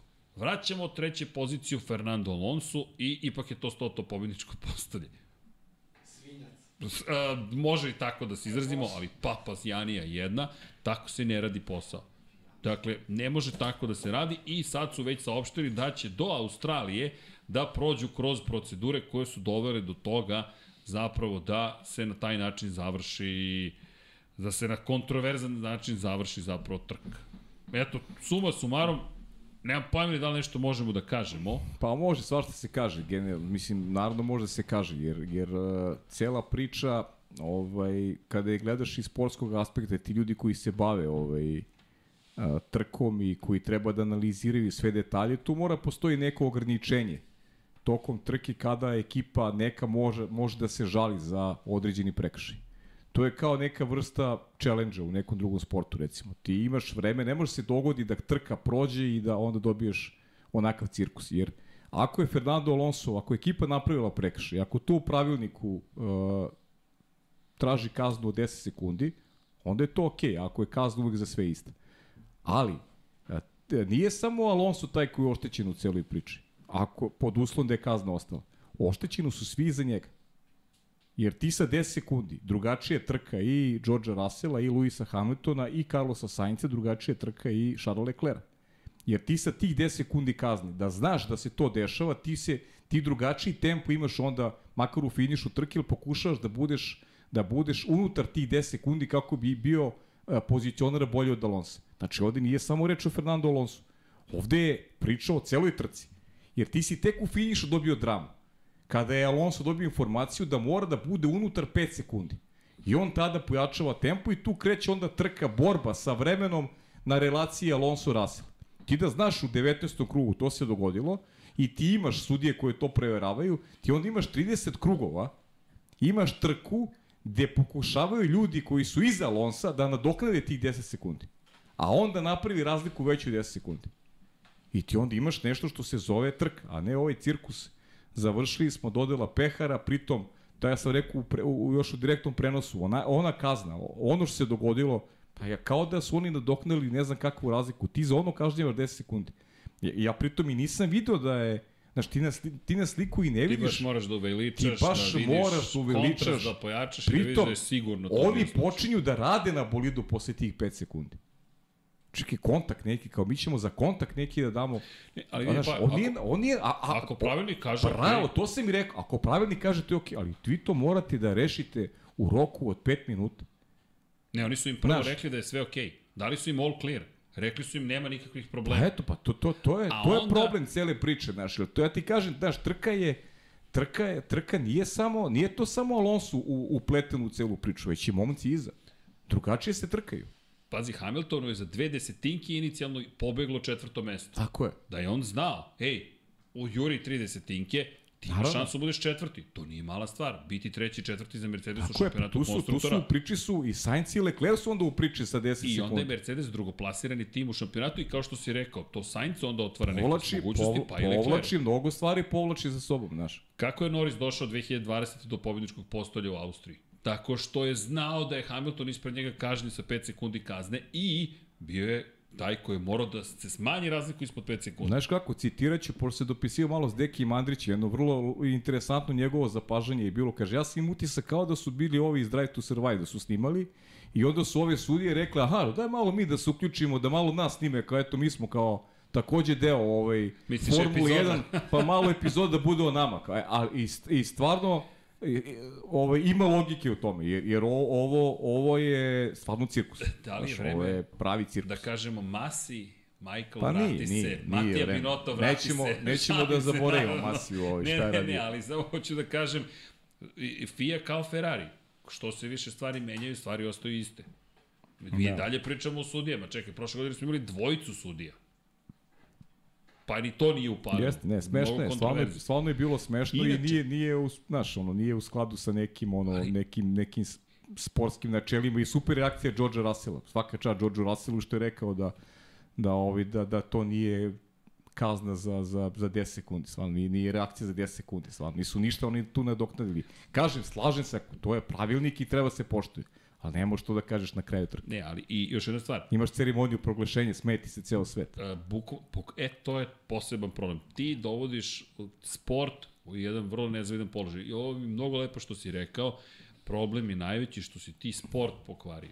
Dakle, Pa to ti je- to je pokrećeš istragu u poslednjem krugu trke. Formalna istraga, ali znaš na zašta istraga? Oni pokreću formalnu istragu na donetu odluku da je sve bilo u redu.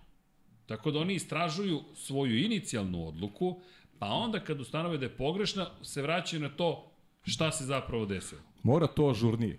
I da je napravljena greška, ok, 10 sekundi, mora ažurnije. Saopštiš to u 19. krug, saopštiš to u 22. krugu i sve ok. Ide, ide, ide dalje trka, možemo da polemišemo. Jeste za kaznu, nije za kaznu, ali pravilni, pravilni tako kaže, idemo dalje. I imaš onda trkanje, a ne ovako da... Ono, ono suština što si rekao, javljamo se iz prenosa, ti dobijaš informaciju bez objašnjenja da je praktično da je, da je sada Russell treći. I nemaš vremena da, da sačekaš neku reakciju, da, da vidiš šta se dešava, nego završavaš prenos u neznanju, nekom u ludilu, kao šta je ovo, ili ovo moguće? Od uzbudljive odjeve, Sergio Perez, peta pobeda, poen manje od Maxa, Max sa najbržim krugom odbranio vođstvo u šampionatu, dominacija Red Bulla, Ferrarija nema nigde, Alonso stoto pobedničko postolje, drugi put za redom sa Astonom Martinom, treći u šampionatu sveta, E, To, to, to ne priliči ni Formuli 2, dešava se često, a kamoli dešava. 1, znaš. Tamo se dešava, često ne priliči to Formuli 2 i ne sme to da se događa, a tek u Formuli 1, ono koji je globalni spor, koji je jedan od najpopularnijih, ti, ti, ti praviš takav, takav pičova iz ono, stvarno je jezivo. ako smijem da napravim poređenje, Moto3, Moto2, Moto Grand Prix, ne postoji šansa da se ne ispoštuje Moto3 šampionat. Ne postoji šansa da se ne ispoštuje Moto2 šampionat. Tako mora bude. Dakle, ti daješ prvo rezultate trke, klasifikaciju, zatim daješ plasman u šampionatu vozača, zatim nezavisnih vozača, ukoliko postoji u okviru određenog šampionata, zatim timova, zatim nezavisnih timova i na kraju konstruktora. I nema šanse Moto Grand Prix koji je mnogo manji sada od Formule 1, u jednom trenutku su se približili, sada se razlika ogromna stvorila, nema šanse da to ne ispoštuje. A mi u Formuli 2, nas dvojica računamo ko je gde, šta, kako završio i čekamo neku zvaničniju potvrdu, nema je. Ma ne, ne, Nema ne, ti, ti čekaš, ti, kad je sprint trka, ti saznaš pred, pred glavnu trku da je neko Da je pomeren. neko kažnjen. Kao što smo rekli za Teja Puršer, da smo prepostavili da će biti kažnjen za ono što uradio. A zvaničnu potvrdu smo dobili 5 sati kasnije. To su, to su priče. I, ali Ali to ne sme da bude u Formuli 1. Ljudi, vi se bavite time, to vam je jedini zadatak koji imate. Pa morate budete ažurniji. neko mi je napisao, pa krive, krive su i ki, kriva ekipa. Krivo je more. ne, ali ja kažem, ne može da bude kriva ekipa.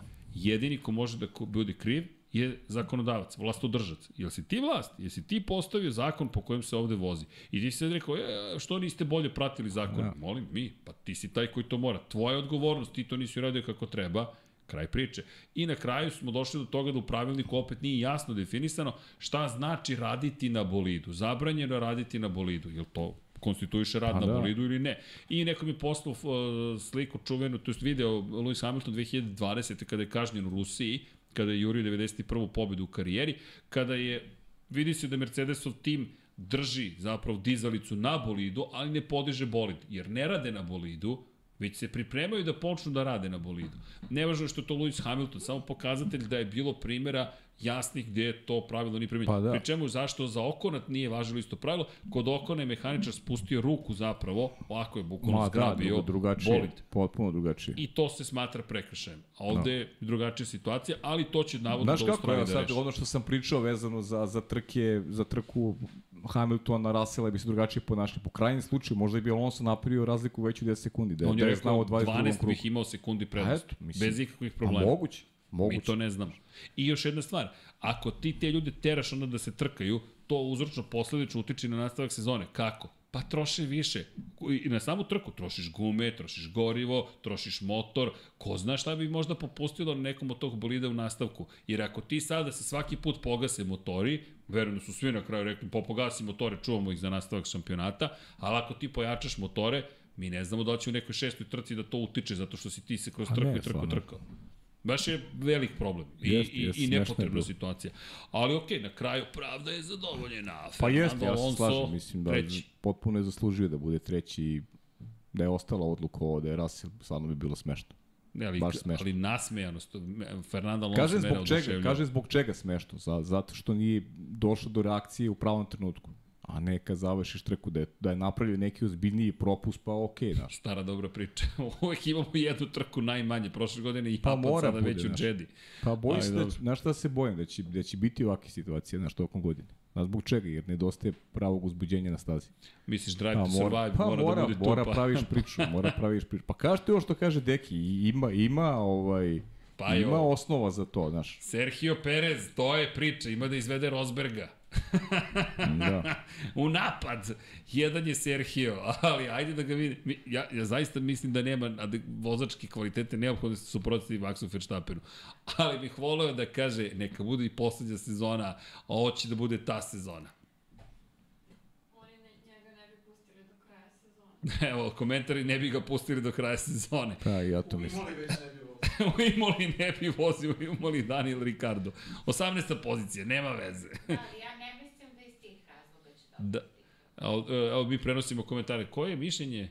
Moje mišljenje je da je Max počinje da biva pomalo nervozan u određenim situacijama. Da je Max počeo da biva nervozan. Tako je. I da poprilično Dobro. Ovaj, troše svoj bolid. Mašin. Da troši bolid? A nisam ja siguran, stvarno. Meni on deluje, ja, da, meni deluje kao špricer, iskreno.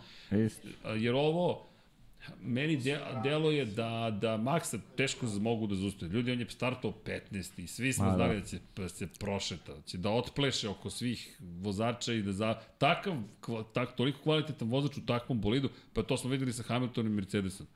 Dajte van serijskom vozaču van serijski bolid. Ko će da ga zaustavi? Da, ne može niko. Ko će da ga zaustavi?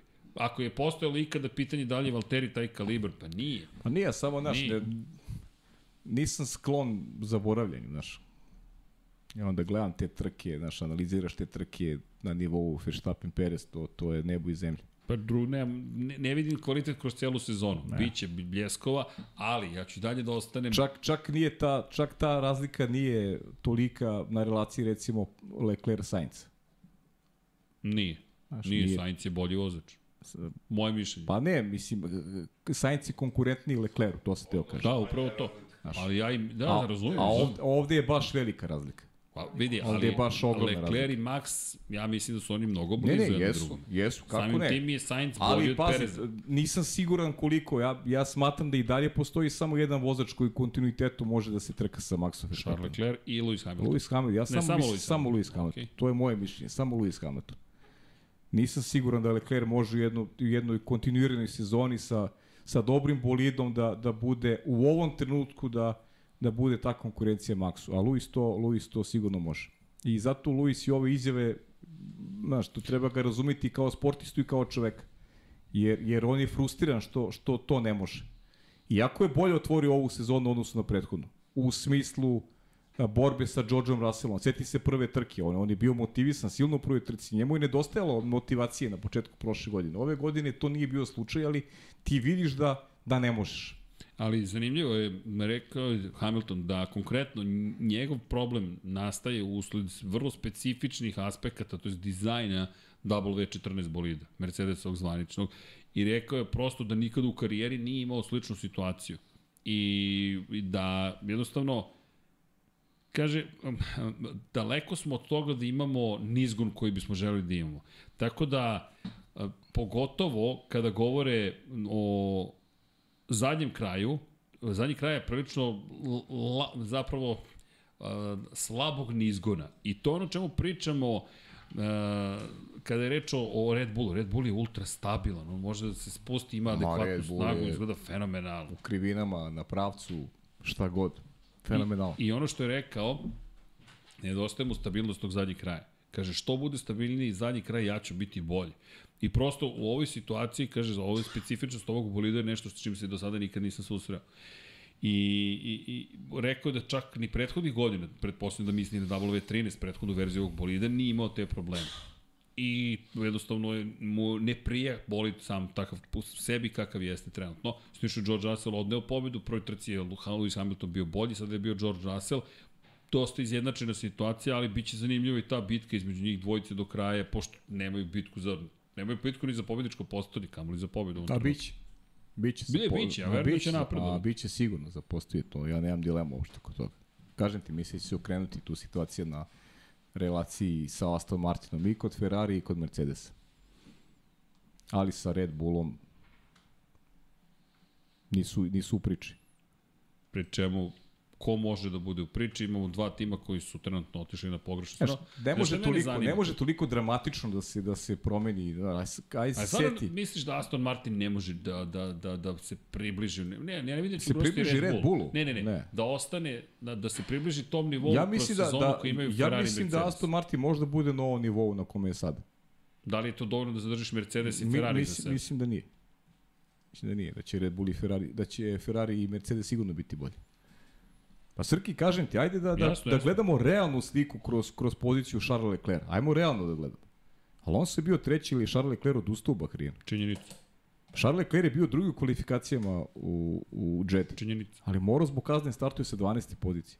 Da je Charles Leclerc krenuo kao drugi, imali bismo drugačiju trku. Pitanje je da li bi u sve te nedostatke koje Ferrari ima, ali ti imaš vozača koji, koji znaš, ajde da prepostavimo da je počeo tu trku na making Možda ne bi ugrozio Red Bull, ali bi bio treći. Ne bi mogo da ugrozi Red Bull. ali na kraju što kažeš da bude treći bila bi borba sa Alonso. A dve treće pozicije, ti si na poziciji na kojoj je trenutno Alonso u šampionatu sveta. Tako je. Ti imaš 30 poena. Dobro, to su prepostavke. Da li bi bio treći, šta bi uradio, dobro, ali, ali ti, ti iz prvog reda imaš, imaš ti iz prvog reda. Ti iz prvog reda, si sa Perezom. Imaš, imaš Verstappen na 15. poziciji. Pri čemu? I, I ako Ferrari je bi uzeo rizik i tada da krene na meki A, gumama. ali pazi sad ovo, pazi sad Šta ovo. misliš? I se setiš šta je bilo u, šta je bilo u Bahreinu? To se te ti kaže, pretekao je Pereza u Pretekao je Bahreinu. Pereza. Pa izvini, Alonso je pretekao Pereza. Jel on se pretekao Pereza? I sad, Pa zamisli, ti na meki gumama diktiraš tempo trke. a ti si Charles Leclerc, imaš čist put ispred sebe, meke gume, da li ti stičeš dovoljno Tako prednost je. da se obrani? Dinamika, dinamika njegove trke se menja u 8 po tim uslovom se menja u 18. krugu izlaskom vozila bezbednosti. I opet bi Charles Leclerc bio uh, najviše izgubio u tim trenucima.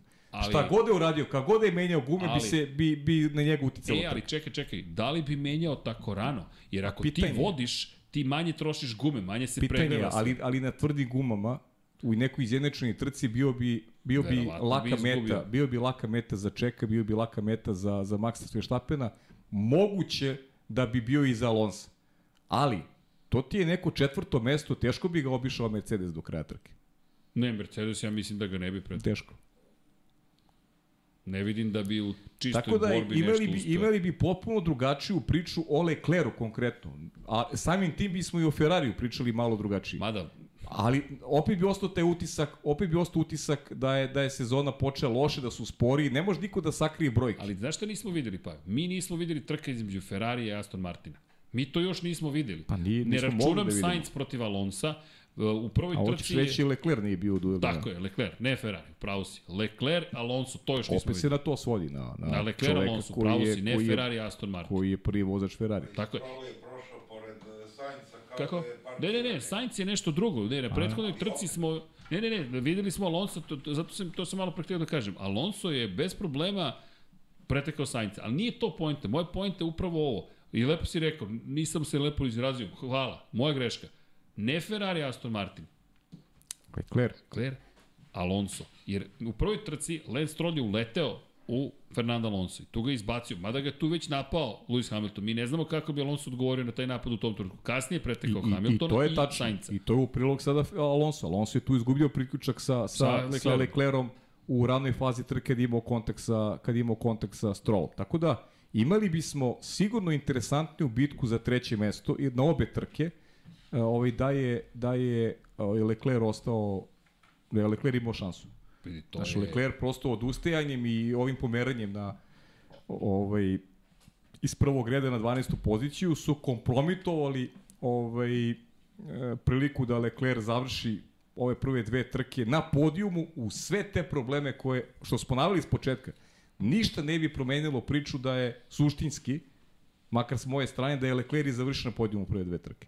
Jer, jer e, cifre se ne mogu sakriju. Ti si sporiji za sekundu u odnosu na prošlu godinu u Bahreinu. To je ozbiljan problem Ferrari. Ozbiljan. Ne, oni su spori i u Čedi i u Bahreinu, oni su generalno spori. Konstantno su spori, ali evo, to, ovo, su, ovo su podaci koji su, koji su ovaj, saopšteni, koji su javni, tako da, ne, ne, znaš, to je, to je užas. Užasna priprema u sve one probleme vezano za Vaseri, da sad ne vraćamo generalno, Ne, ne, idemo. ali Lecler je neko ko ima kvalitet da stvari učini boljim, da izvuče maksimum iz onoga, iz onoga što ima. I, znaš šta, I on to može. znaš šta mi sad pada na pamet? Malo pre smo pričali o tome da Maxu Verstappenu samo Lewis Hamilton može da se suprotstavi kroz celu sezonu. A šta misliš Alonso u bolidu koji je jednak u ovoj formi? Ali zaista te pitam, ovo što nisam senzacionalistički raspoložen, nego... Pa dobro, okej, mislim. Sada Alonso, da li misliš da bi mogao da izdrži celu sezonu i da kaže, ok, momci, sad kad imam bolid, jer sad vidimo sa Aston Martinom, bez obzira, okolnosti su bile i srećne i nesrećne, zavisi što se posmatra, ali da li misliš da bi Alonso mogao da celu sezonu vozi i kaže, ok, s ovim bolidom mogu da, mogu da vas pratim. Pa ne znam, ja kažem ti za koga, onaj za koga mislim da može, rekao Ne, ne, sam, znam, znaš, ne, ne. za ovo nisam siguran, znaš, za, za, za Alonso pravo ti kažem. Voleo Možda bih- da ima neki, Aston Martin sigurno nije ekipa Ne, gde Aston može Martin, da ne, bude ne. on, Ali, da bude konkurentan. dobro, Zato ističem, drugu ekipu koja može se pa porediti s da, Red Bullom. prosto, znaš, Nemamo. mislim da sa Red Bullom trenutno Ma ne, da ali, god, kogod da sedi ne ali može ko ništa. možda im se približi, mislim da mogu samo Ferrari i Mercedes, da ne To da. može niko drugi da im se približi na način da, Alonso, da ih Mercedes. Ugrožavaju. Alonso u Mercedesu. Tako, A Lewis Hamilton u Ferrari. tako bismo pričali ovaj, na tu temu, da li može. I onda da imamo potpunu zabavu. Ali dobro, ne, to su sad, sad malo, malo igre. E, ali ne, nećemo zaboraviti ni ostale. Šta molim? Kako? Leclerc u Aston Martinu, pa ne, ko zna. Ali, ali, da, Leclerc onda mora da ide negde treće, ali sad mi je više intri- intriga Alonso o tome. Kako? Gde će Lando Norris? O, gde će Lando, ljudi, nema mesta. Nema gde. I pritom pogledajte koji sve momci dolaze iz nižih kategorija. Tamo je prilično uzbudljivo, ali ono što je činjenica jeste zapravo da u celoj ovoj priči Ajde, Alonso i dalje dva pobednička postolja, ljudi ko je mogao da očekuje kada je potpisao Ma, za Aston Martin da. da će se otvoriti sezona tako što će on dva puta da uzme pehar. Zaista, jedino gledam koleginicu iz prodaje, s obzirom činjenicu da Sebastian Vettel trebalo da bude u ovom bolidu, šta bi bilo kad bi bilo, ali mislim da, naravno, pričali smo dovoljno, da se ne ponjavamo, mi neko prođe mi kroz glavu, Seb, da, da, zamislite samo da je bio da je još ovu sezonu. Ali okej, okay, idemo dalje. Ele, Ima... ima... Pa dobro, i on je utkao sebe u ovo što se dešava. Jeste, pa i ovo je rezultat i rada koji on imao prošle A, godine. naravno. To ne treba, stvarno, to ne smemo da zaboravimo. Nije nam deki to, ali to ne To ti je smemo da ona zaboravimo. priča isto ko oseti se u Znaš, svi nekako zaboravljaju učinak, tačnije ulogu Mihajla Šumahera u, u kreiranju Mercedesa, Mercedesa, koji da, je da. dobio Lewis Hamilton upravljanje. Si imao velikog šampiona koji je koji je radio na tom bolidu i a znamo kakvu radnu etiku ima i kakav je Mihajl Šumacher bio u vreme dok je možemo da ga volimo da ga ne volimo. Ali je ali on je onako postavio onako visoko lestvicu kada govorimo o, o, o svemu, svim onim pratećim stvarima koje koje ovaj treba da ti dovedu do toga da upravljaš jedan bolid koji može da ti donese vrhunski rezultat. I Schumacher je uradio najbolju moguću pripremu za, za tu eru dominacije koju je imao Lewis Hamilton sa, sa tim timom. Da, i ovo je neka paralela koja postoji Pa između mislim, Fettela postoji, i Schumachera. sigurno postoji paralela. Jer Vettel je radio i, i to ti je bio neki preduslov da ti kao neka mala ekipa da dođeš do nekog momenta, do prilike da se bori za, za velike stvari. Samo sa, sa velikim vozačima ti možeš da napraviš, napraviš neku, neku, neki napredak koji je koji je u, sra, u srazmeri sa, sa očekivanjem. Tako da uloga Fetela je za mene velika u toj celoj priči. I čekamo naravno da, da vidimo, apropo toga što sada spominješ, ono što, kaže, mene s jedne strane zabrinjava kod Ferrarija, ne čujem Leclera da priča o razvoju, s druge strane Hamilton insistira na tome da ga nisu poslušali, da treba da ga poslušaju, što isto naravno deo, pa prerogativ, njegov, prerogativi su tu, 7 titula, 103 pobjede, 103 pol pozicije, poslušajte me, možda nešto i znam. Znaš koga bih pohvalio, iako nije stigao do cilja, dva odustajanja smo imali, inače Stroll i Albon nisu završili trku, ali Lance Stroll, njegovo preticanje sa spoljne strane u 13. krivini Carlosa Sainca, je meni bilo fenomenalno. Da, naravno da vam bolid pomaže, ali dalje morate da stisnete petu i da napadate sa spoljne strane. Lance nije završio, ali je to meni manevar baš za pamćenje. super je, da, super je bio. Baš je bio dobar. Ok, šteta, ali i opet apropo te štete, pokazatelj da će biti ove godine odustajanja Pa, i biće da, sigurno, da to naravno. mora da se računa. U prvoj trci tri odustajanja, dva odustajanja u drugoj trci. Nema čistih trka još uvek. Pa I viš dosta je problema. počela sezona, viš, Ferrari sa kaznom već u drugoj trci, mislim, to je... Ja se ne sjećam da se to dogodilo na nivou velikih timova da imaju, Ne, ne, da imaju ovako ne. kaznu nakon prve trke već. Da. I znaš šta me zabrinjava, iskreno, apropo priče malo pređeše ko je napredovo, ko nije, gde su stvari ostale iste. U ovom momentu, 13 vozača je osvojilo poene. Međutim, kada pogledamo kako stvari izgledaju među vodećim timovima, probiti se sada među vodećih 8 je postalo gotovo nemoguća misija. Red Bull, dvojica. Aston Martin, Lance Stroll osvojio poene u prvoj trci, sada odustao, ali to su već četiri vozača. Mercedesi, Ferrari, to je osam. I to je sad bitka za 9. 10. poziciju, postala žestoka, lepo je što postoji ta bitka i što je tako velika, ali s druge strane baš će biti drama. Ali imao si jedan moment u prošle sezone kada se McLaren takođe ustalio kao četvrta ekipa. I Pa onda si imao, kada si Alpinu, se... pa si imao Jest. Alpinu, pa si imao pet ekipa u drugom delu sezone, ti si tačno znao da vozači pet ekipa idu, be, idu među deset.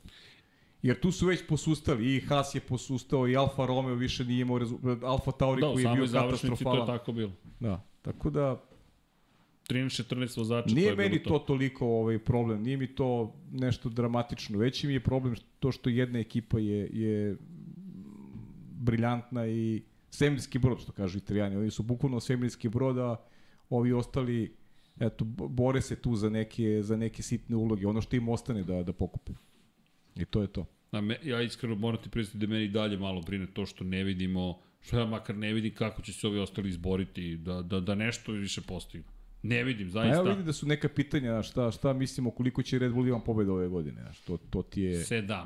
Pa bravo, ja sam teo kažem tu brojku. I znaš da sam ti, Mike sam teo kažem isto tu brojku. Da. Pa to mi nekako Jer zvuči ne, logično. ne mislim da će ne mislim da će ovaj ovaj baš tako pobeđivati. Ja kažem ti zašto zbog te kazne koje koja koji će napraviti određene probleme. Da, Red Bull koji inače ima 94 pobjede. Bila je grafika na društvenim mrežama da ima isti broj pobjeda kao i Lewis Hamilton. U tom periodu imaju isti broj pobjeda, ali ljudi, to će se promeniti vrlo brzo. Do kraja godine oni će imati preko 100 pobjeda. Pričamo o erama. Ovo je ponovo počela era Red Bulla.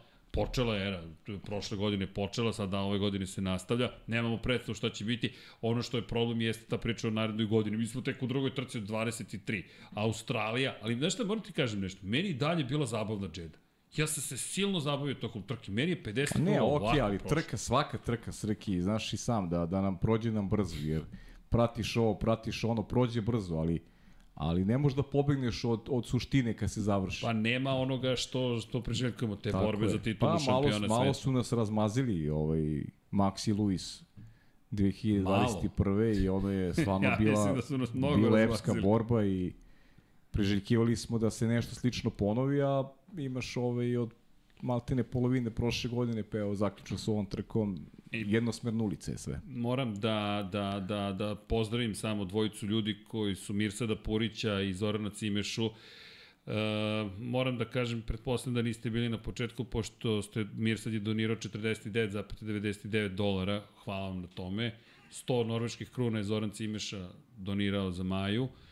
Moram da vam kažem da, nažalost, je Maja preminula prošle nedelje. Pričali smo o tome na početku. Novac ćemo, međutim, sav koji je namenjen Maji preusmeriti u skladu sa dogovorom sa, sa Nenadom, sa našim šonetom Nenadom Milunović i njenim partnerom, na, ka nekom detetu, pretpostavljam, to će Nenad da. izabere. Dakle, ali u svakom slučaju vaš novac će biti prosjeđen u humanitarne svrhe. Je, moram, moram, pretpostavljam da ću da, da, da, da ponavljam to češće, ali čisto da ne zamerite, nije mi palo pamet da treba to da ponovimo i hvala vam na tome, ali eto, čisto da znate da će taj novac biti u potrebu Pa dobro, ukoliko se vi naravno i slažete. Neša se zahvalio svima i pritom i Nešina je odluka, mislim ono, i da, da, Ne, da, se, da, je- se, da, se nekom, da se nekom pomogne, tako da hvala svima koji su učestvovali ovaj, u, u pomoći i eto šta da radimo, to je život je Da, život je ovaj surov nekad i to je to šta da se radi idemo idemo dalje da, i ono što ponavljamo stalno, ljudi, kratak zna da bude, koliko Pa god da, da, traje. pa.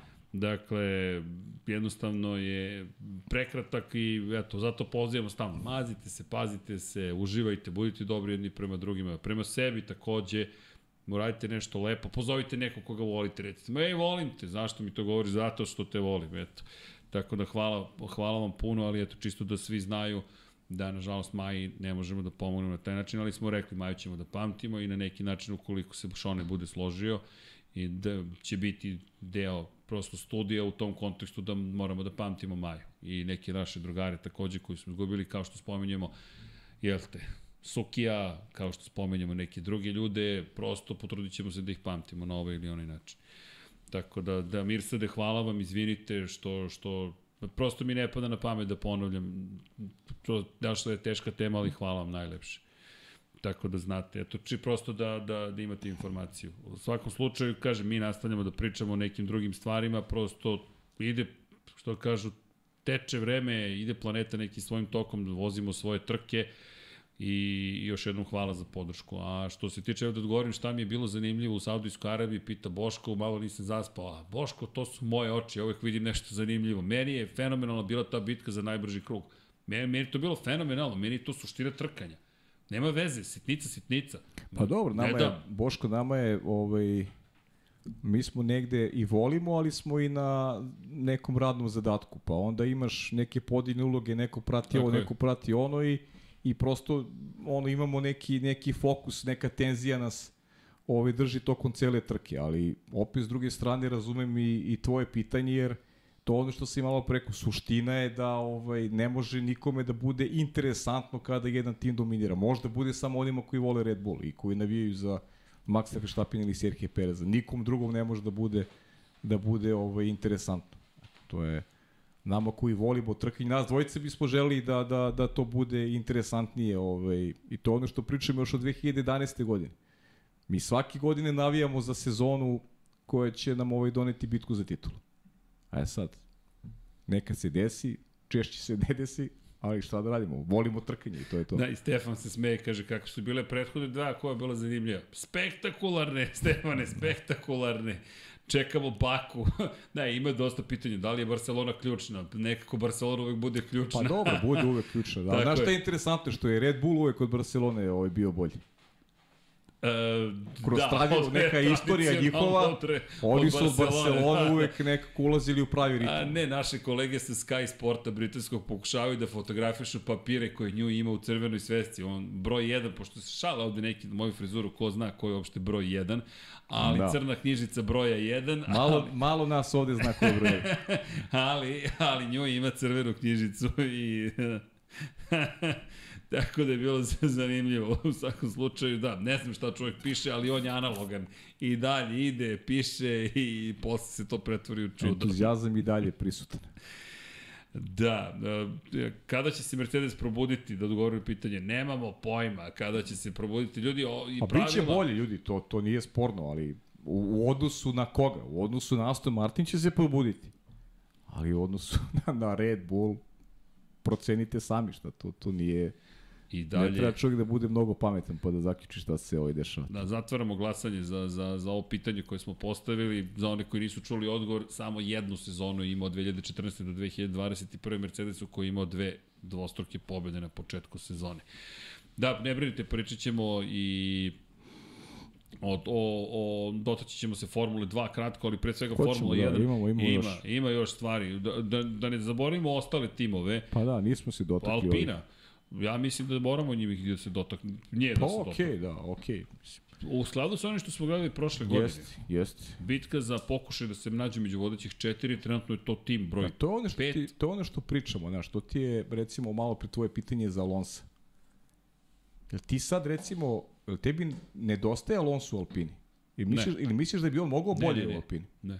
ne, ne, ali zato kad bi imao bolid, znaš, Tako je, to, ali evo vidiš recimo Pierre Gasly. On je došao u Alpinu i, i dve odlične trke. dva deveta mesta. Dve odlične trke za njega. I to je neki standard rezultata. Od ne može bolje. Jel mogu više od devetog mesta? Ne. Ne. Rekao si malo pre dva, ova četiri tima, četiri tima, pritom deveto mesto, ajde možda je mogao bolje u Bahreinu, s obzirom da Leclerc nije završio trku. Ma, Ali dva deveta mesta za, u ovom momentu za, za tu ekipu, to je plafon. vidi, prošle godine je Lando Norris jurio šampionat Formule 1,5, što- kako je zovu od Milošte. To je bila sedma pozicija u šampionatu. Da budeš najbolji posle tri vodeće ekipe. Sad imamo četiri vodeće ekipe i sad juriš da budeš deveti u prvenstvu sveta. I to je to.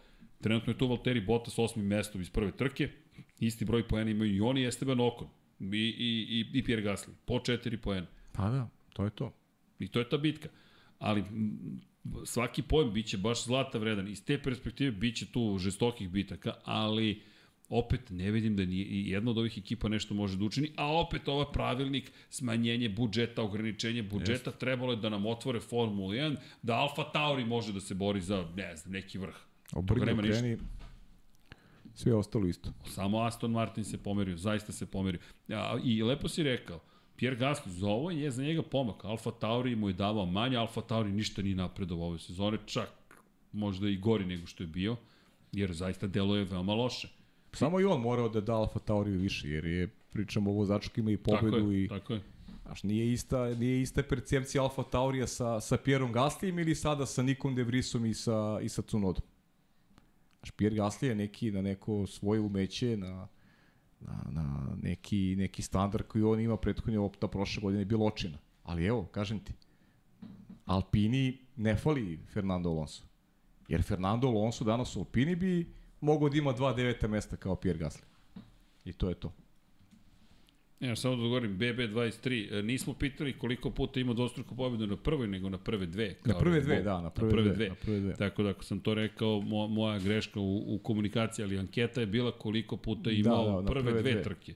Nadam se da nisam pogrešno napisao, to bi bilo šašalo. A, koliko sezona dvostrukim pobedi nisam lepo napisao. Izvinjavam se, Šta pogrešno sam napisao? Dvostrukim pobedama. Dvema dvostrukim pobedama. A, znači, loše da, sam napisao. Nije dobra anketa. Uh, Moša, sorry, izvinite, da.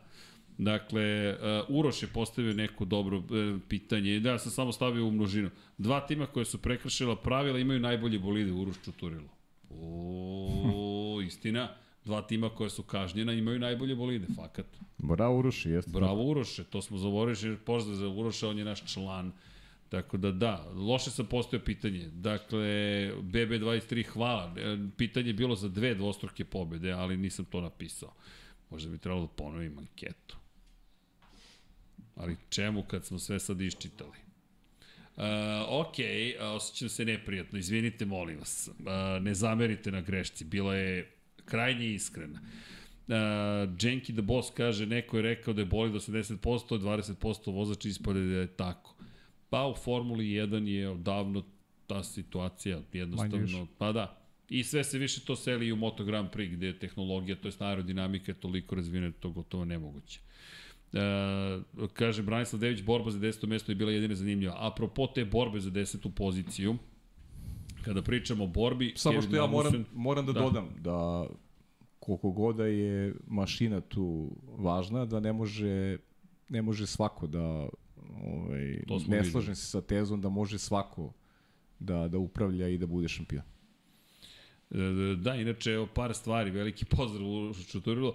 E, BB23 Ferrari ove sezone sve pare na catering. Pa da, to je ta čuvena priča o cateringu i, i to će ostati. Inače, mama mi se javila. Mama i tata Erceg šalju pozdrav. Ćao mama, Pozdrav, pozdrav. Ćao tata. Pozdrav od, od, od klinaca i dalje. Jeste. Radili smo nekad zajedno. Tako je, tako je. Čika Paja sad će da poludi. Ko čika? Ko čika. Ko čika. Da, pozdrav, mama. A, u svakom slučaju, koji bi Okom bio ako je Alonso P3 u dve trke, ako znamo da je Okom bio u krajnosti bolji vozač u 2022. od Alonso Džemal Imamović, pita. E, to, To su sad dobra pitanja. Dobra znaš, pitanja. To su do, stvarno su dobra pitanja, ali to je nešto što mislim nezahvalno je pričati, žene, stvarno, ali dobro zapažanje. Dobro je zapažanje. Da, i inače i Cvajštajn kaže F1 je timski sport. Jeste. Jeste, jeste. Jeste, Kako timski. nije? Tu mora sve da se... Da se... I to insistiramo stalno je toj priči. Timski sport. Baš je timski sport. I zbog toga, zbog toga stalno i govorimo da ti, a ako želiš dobro svom timu, onda moraš da prepoznaješ neke stvari. Znaš, nije samo znaš, te reakcije vozače, moraš ti da imaš dobru reakciju. Pa, mislim, široka tema, ajde, sad sam te opet uđem u nešto što, ovaj, pošto polemiše malo sa ljudima, pričamo svašta, ali ajde da, ajde, da ne koristimo, da ne zupotrebljavamo ovaj, ovaj podcast. Biće prilika, aj sledeće nedelje će budemo opušteni jer i najavljujemo trku, a da, ove nedelje smo fokusirani na... fokusirani na trku, Da. ali čujte, ono, glavno se tu i desilo, negde sa Kevinom Magnusenom se završila ta bitka za poene. I svaka čast Kevinu Magnusenu, lepo se vratio u Pritom, igru. dugo je trajalo. puno problema. Znaš, Jeste. Nije, nije, nije odustajao. Dugo Baš je trajala, nije odustajao i iskoristio je kao da je onako vrebao pravo priliku. Bio je dovoljno strpljiv. Znaš, tu strpljenje je mnogo važno. Da, Jeste. da, da ne srljaš, da, da ovaj, uh, ne promašiš, ne promašiš šansu, ovaj, najbolju šansu da, da, da nadokniš poziciju. A mislim da je, da je Kej Magnussen baš bio onako strpljiv i odigrao, odigrao a, pametnu celoj priči. I možda je to bio i, i najlepši ovaj, trenutak trke. Znaš, Kada to, je pa Kjuki da, je napao u prvoj krivini. tako je. To je, bilo, to je bio potez za, za poen. E, nismo prokomentarisali, kako ti se do, ka, da li ti je isto, išta sušti, suštinski promenio? E, to, to, to mislim da treba da prokomentarišemo. Šta? Kako je Max Verstappen ponovo koristio zonu kočenja pred A, krivinom da, 26. fenomenalno. Pomerili su liniju da bude posle krivine 27, Hoće, pa, 27, e, pa to ono, to ono nadovezuje ono malo pređešto pitanje, kao 80% ovaj, mašina, 20% vozač. Malo, On je čovek malo, čekao. malo više je ovaj vozač od tih 20%, a kažem, ne može svako da, da bude. Obrni okreni, šampioni su oni koji imaju taj, imaju taj nerv, imaju taj kvalitet, i mentalnu stabilnost, psihičku, fizičku, I on je kakvu god hoćete, opet je razmislio kada će da napadne. Ma, I nije napadao pre poslednje krivine. Ti vidiš da on u toj DRS zoni pre 27. krivine može da pretekne i on kaže ne, nisam dovoljno daleko da bih se zaštitio kada uđem u DRS, sačekat ću i Izvinjam se još jednom za, za Mošu, malo pre nije mi zaista bila namera, ali Moširao je pravila Max Verstappen, da se izrazim malo kolokvijalno. Kako? Jeste pomerili liniju? Nema problema, ja ću da čekam da izađem iz poslednje krivine u zavetrini I to isto pokazuje opet razmišljanje uživo. To je ono što je bilo meni lepota takmičenje između Leclerca i njega prošle godine. Znaš kako ja postavljam stvari? Super odradio. Znaš kako postavljam stvari? Da su se Max, uh, Lewis Hamilton, Alonso rodili u ono vreme, da su se takmičili tamo onih 80-ih, 90-ih, bili bi šampioni u, to, u tom Pa periodu. to bi bile njihove priče. Da su Sena i Prost danas uh, ovaj, sa nama i da se trkaju za ti, opet bi bili šampioni Sena i Prost. Slažem se, to je 100%. To je Uradili bi sve što je potrebno da nauče, urade, savladaju, da bi bili na, na vrhu sveta. Sigurno. Samo moram ti priznam, voleo bih da vidim kako bi izgledale društvene mreže Alana Prosta i Artura Sena. Da, pa dobro, sad to. Vidiš kako ti imaš pogled, interesantno ti. Prešao na društvene ne, mreže. ali ozbiljno, samo zamislim scenu kome neko kaže, e, a možeš nešto za društvene mreže? Molim. U to vreme, ja mislim da bi leteo PR ili koga god je zadužen iz, iz garaže sve zajedno sa zupčanicima. To oni su... Kako? Da li bi se Da li bi pratili se međusobno Da, pratili? pitanje, Ovo je dobro pitanje. Ne, To je to. ne bi. Prost je otpratio Senu, unfollow je pao, Da. blok. Bili bi kao Jokić. Bili bi kao? Nikola Jokić. Kao Jokić, što Jokić? Nisam u Nema toku. Nema društvene mreže, aha, okej, okay, mogu pa i to je moguće. To je mogu. Pa je samo na Instagramu popustio Pa ne bi imao ni paja da ovaj, da nije neko rekao, e, ja ću da ti vodim mreže. Tako je. Jel smem da otkrijem malo? Ne, ne, ne, ko, Pa šta? pričali kako? smo, da, ali pričali smo o tome, mislim, nije to... Ima nije Paja to, PR. Da, nije to tajno. Dobro, sad se, sad se ovaj sam bavimo. Da, stvarno? da, pa da. o, tako da znate, kad nam Paja odgovori, to je Paja. Da, da. Niko od nas nema zapravo osobu koja se tim bavi, to vam i govori kad ne, i kad neki put ne odgovorimo, ne zamerite, prosto ne, ne stiže se, ali dobro, ali meni je inače taj, taj manevr tog kočenja pred poslednju krivinu i čekanja DRS linije za, za, detekcije i napada na startnu ciljnom pravcu bio fenomenalan. Jeste, jeste. Baš je bilo dobro. I to nije jednom, to je Na jednom. dva, tri puta se, se dogodilo to. Neće se koga je jedinog pretekao pre poslednje krivine i ostavio baš daleko iza Ne mogu sebe. se ti stvarno, Ne mnogo, mogu sad da se mnogo trajiš od mene. Ali ne, ne, ne mogu ja da setim, ali znam da je, da je to bilo najveće iznenađenje. Aha, okej, okay, neće čak ni da čeka. Ode.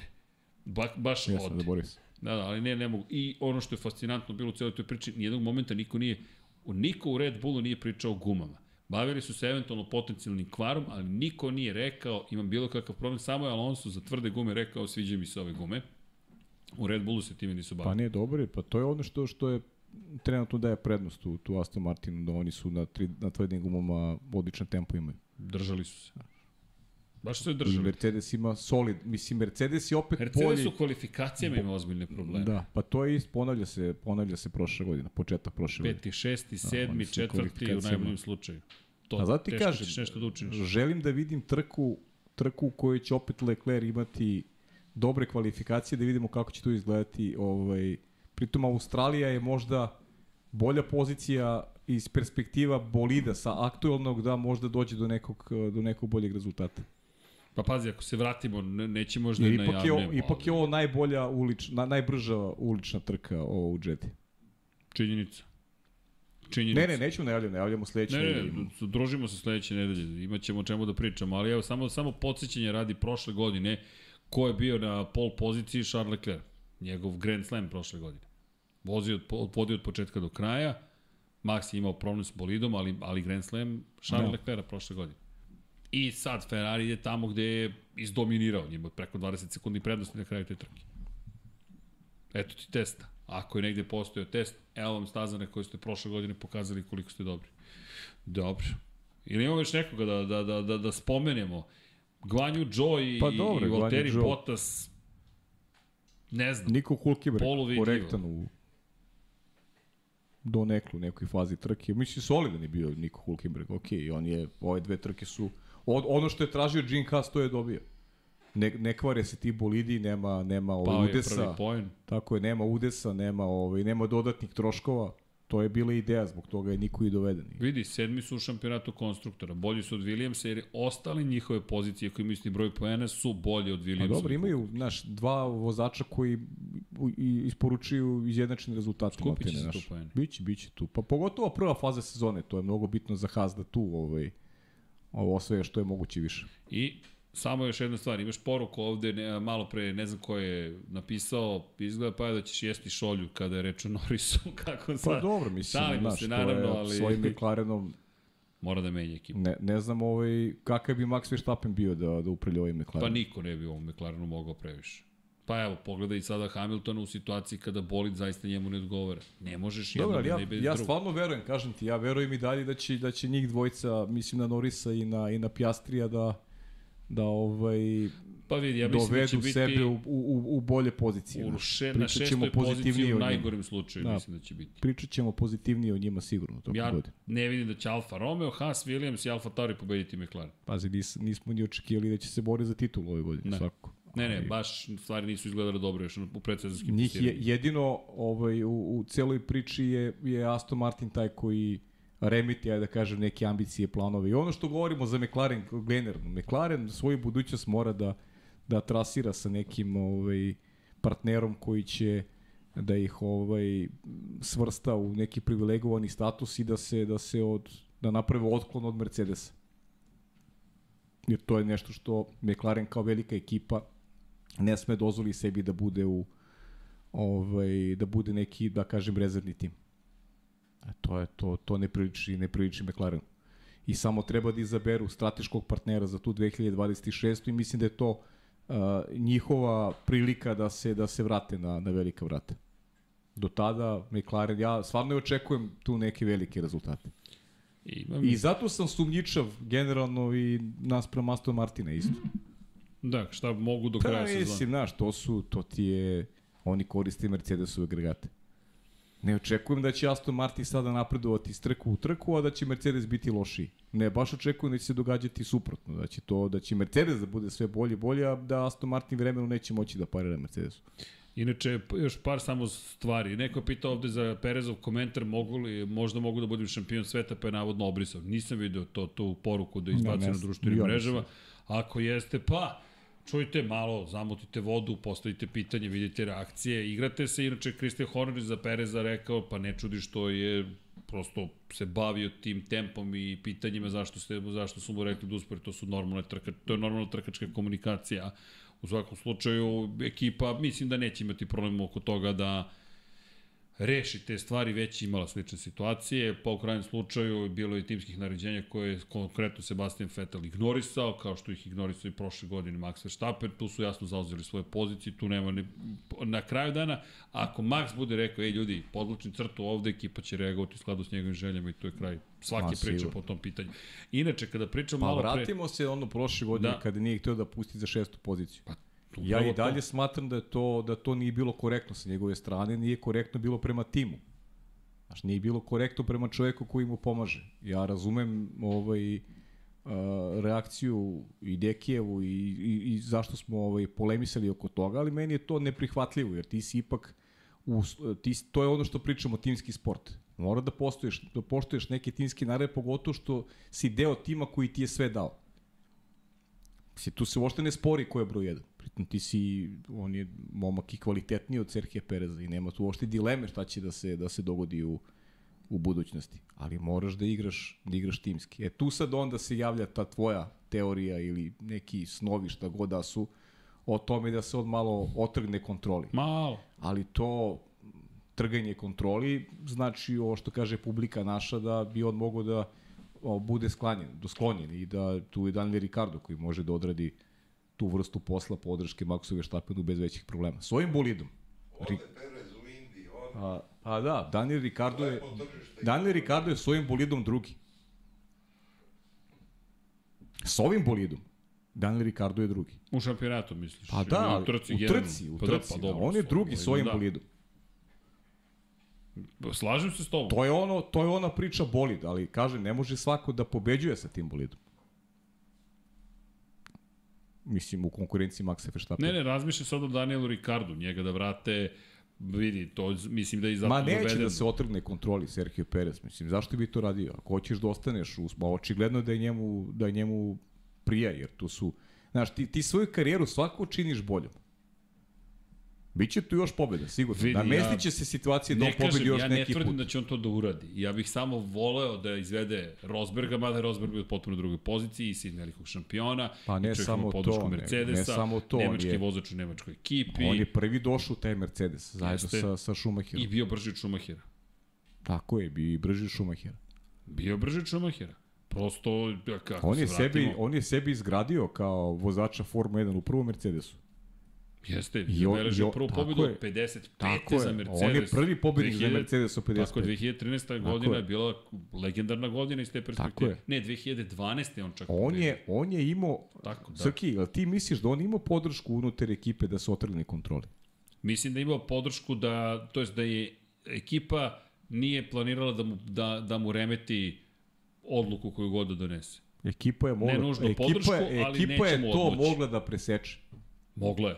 Ekipa je to mogla da E, preseče. ali vidi, i te A sezone seti se, seti se prve trke u karijeri Luisa Hamiltona tražili u su Mercedesu. Rosbergu da se Tražili skloni. Su, da se skloni zašto? Za treće Za mesto. treće mesto. I ima još jedna stvar. I u šampionskoj sezoni Nika Rosberga, to se često zaboravlja, Rosbergu je u Monaku naređeno da pusti Luisa Tako je, Hamiltona. tako je. I on ga je pustio i Hamilton je pobedio u toj trci. Jeste. Ne, bio je drugi.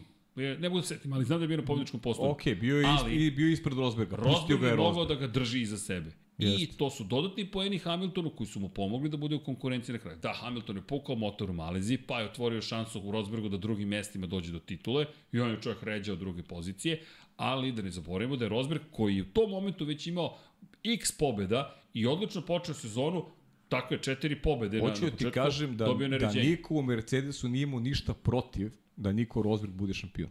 Da, ali To je poenta nije planirao priče. da podrži to kao plan. Slažem se, slažem se sa Ali tom nisu u ga, nisu ga ni nisu ga ni skraj nisu ga ni ni gurnuli iz Mercedesa, nisu ga ovaj nikoga nije vukao za uši i rekao je ti to ne, ti ne smeš da pobeđuješ.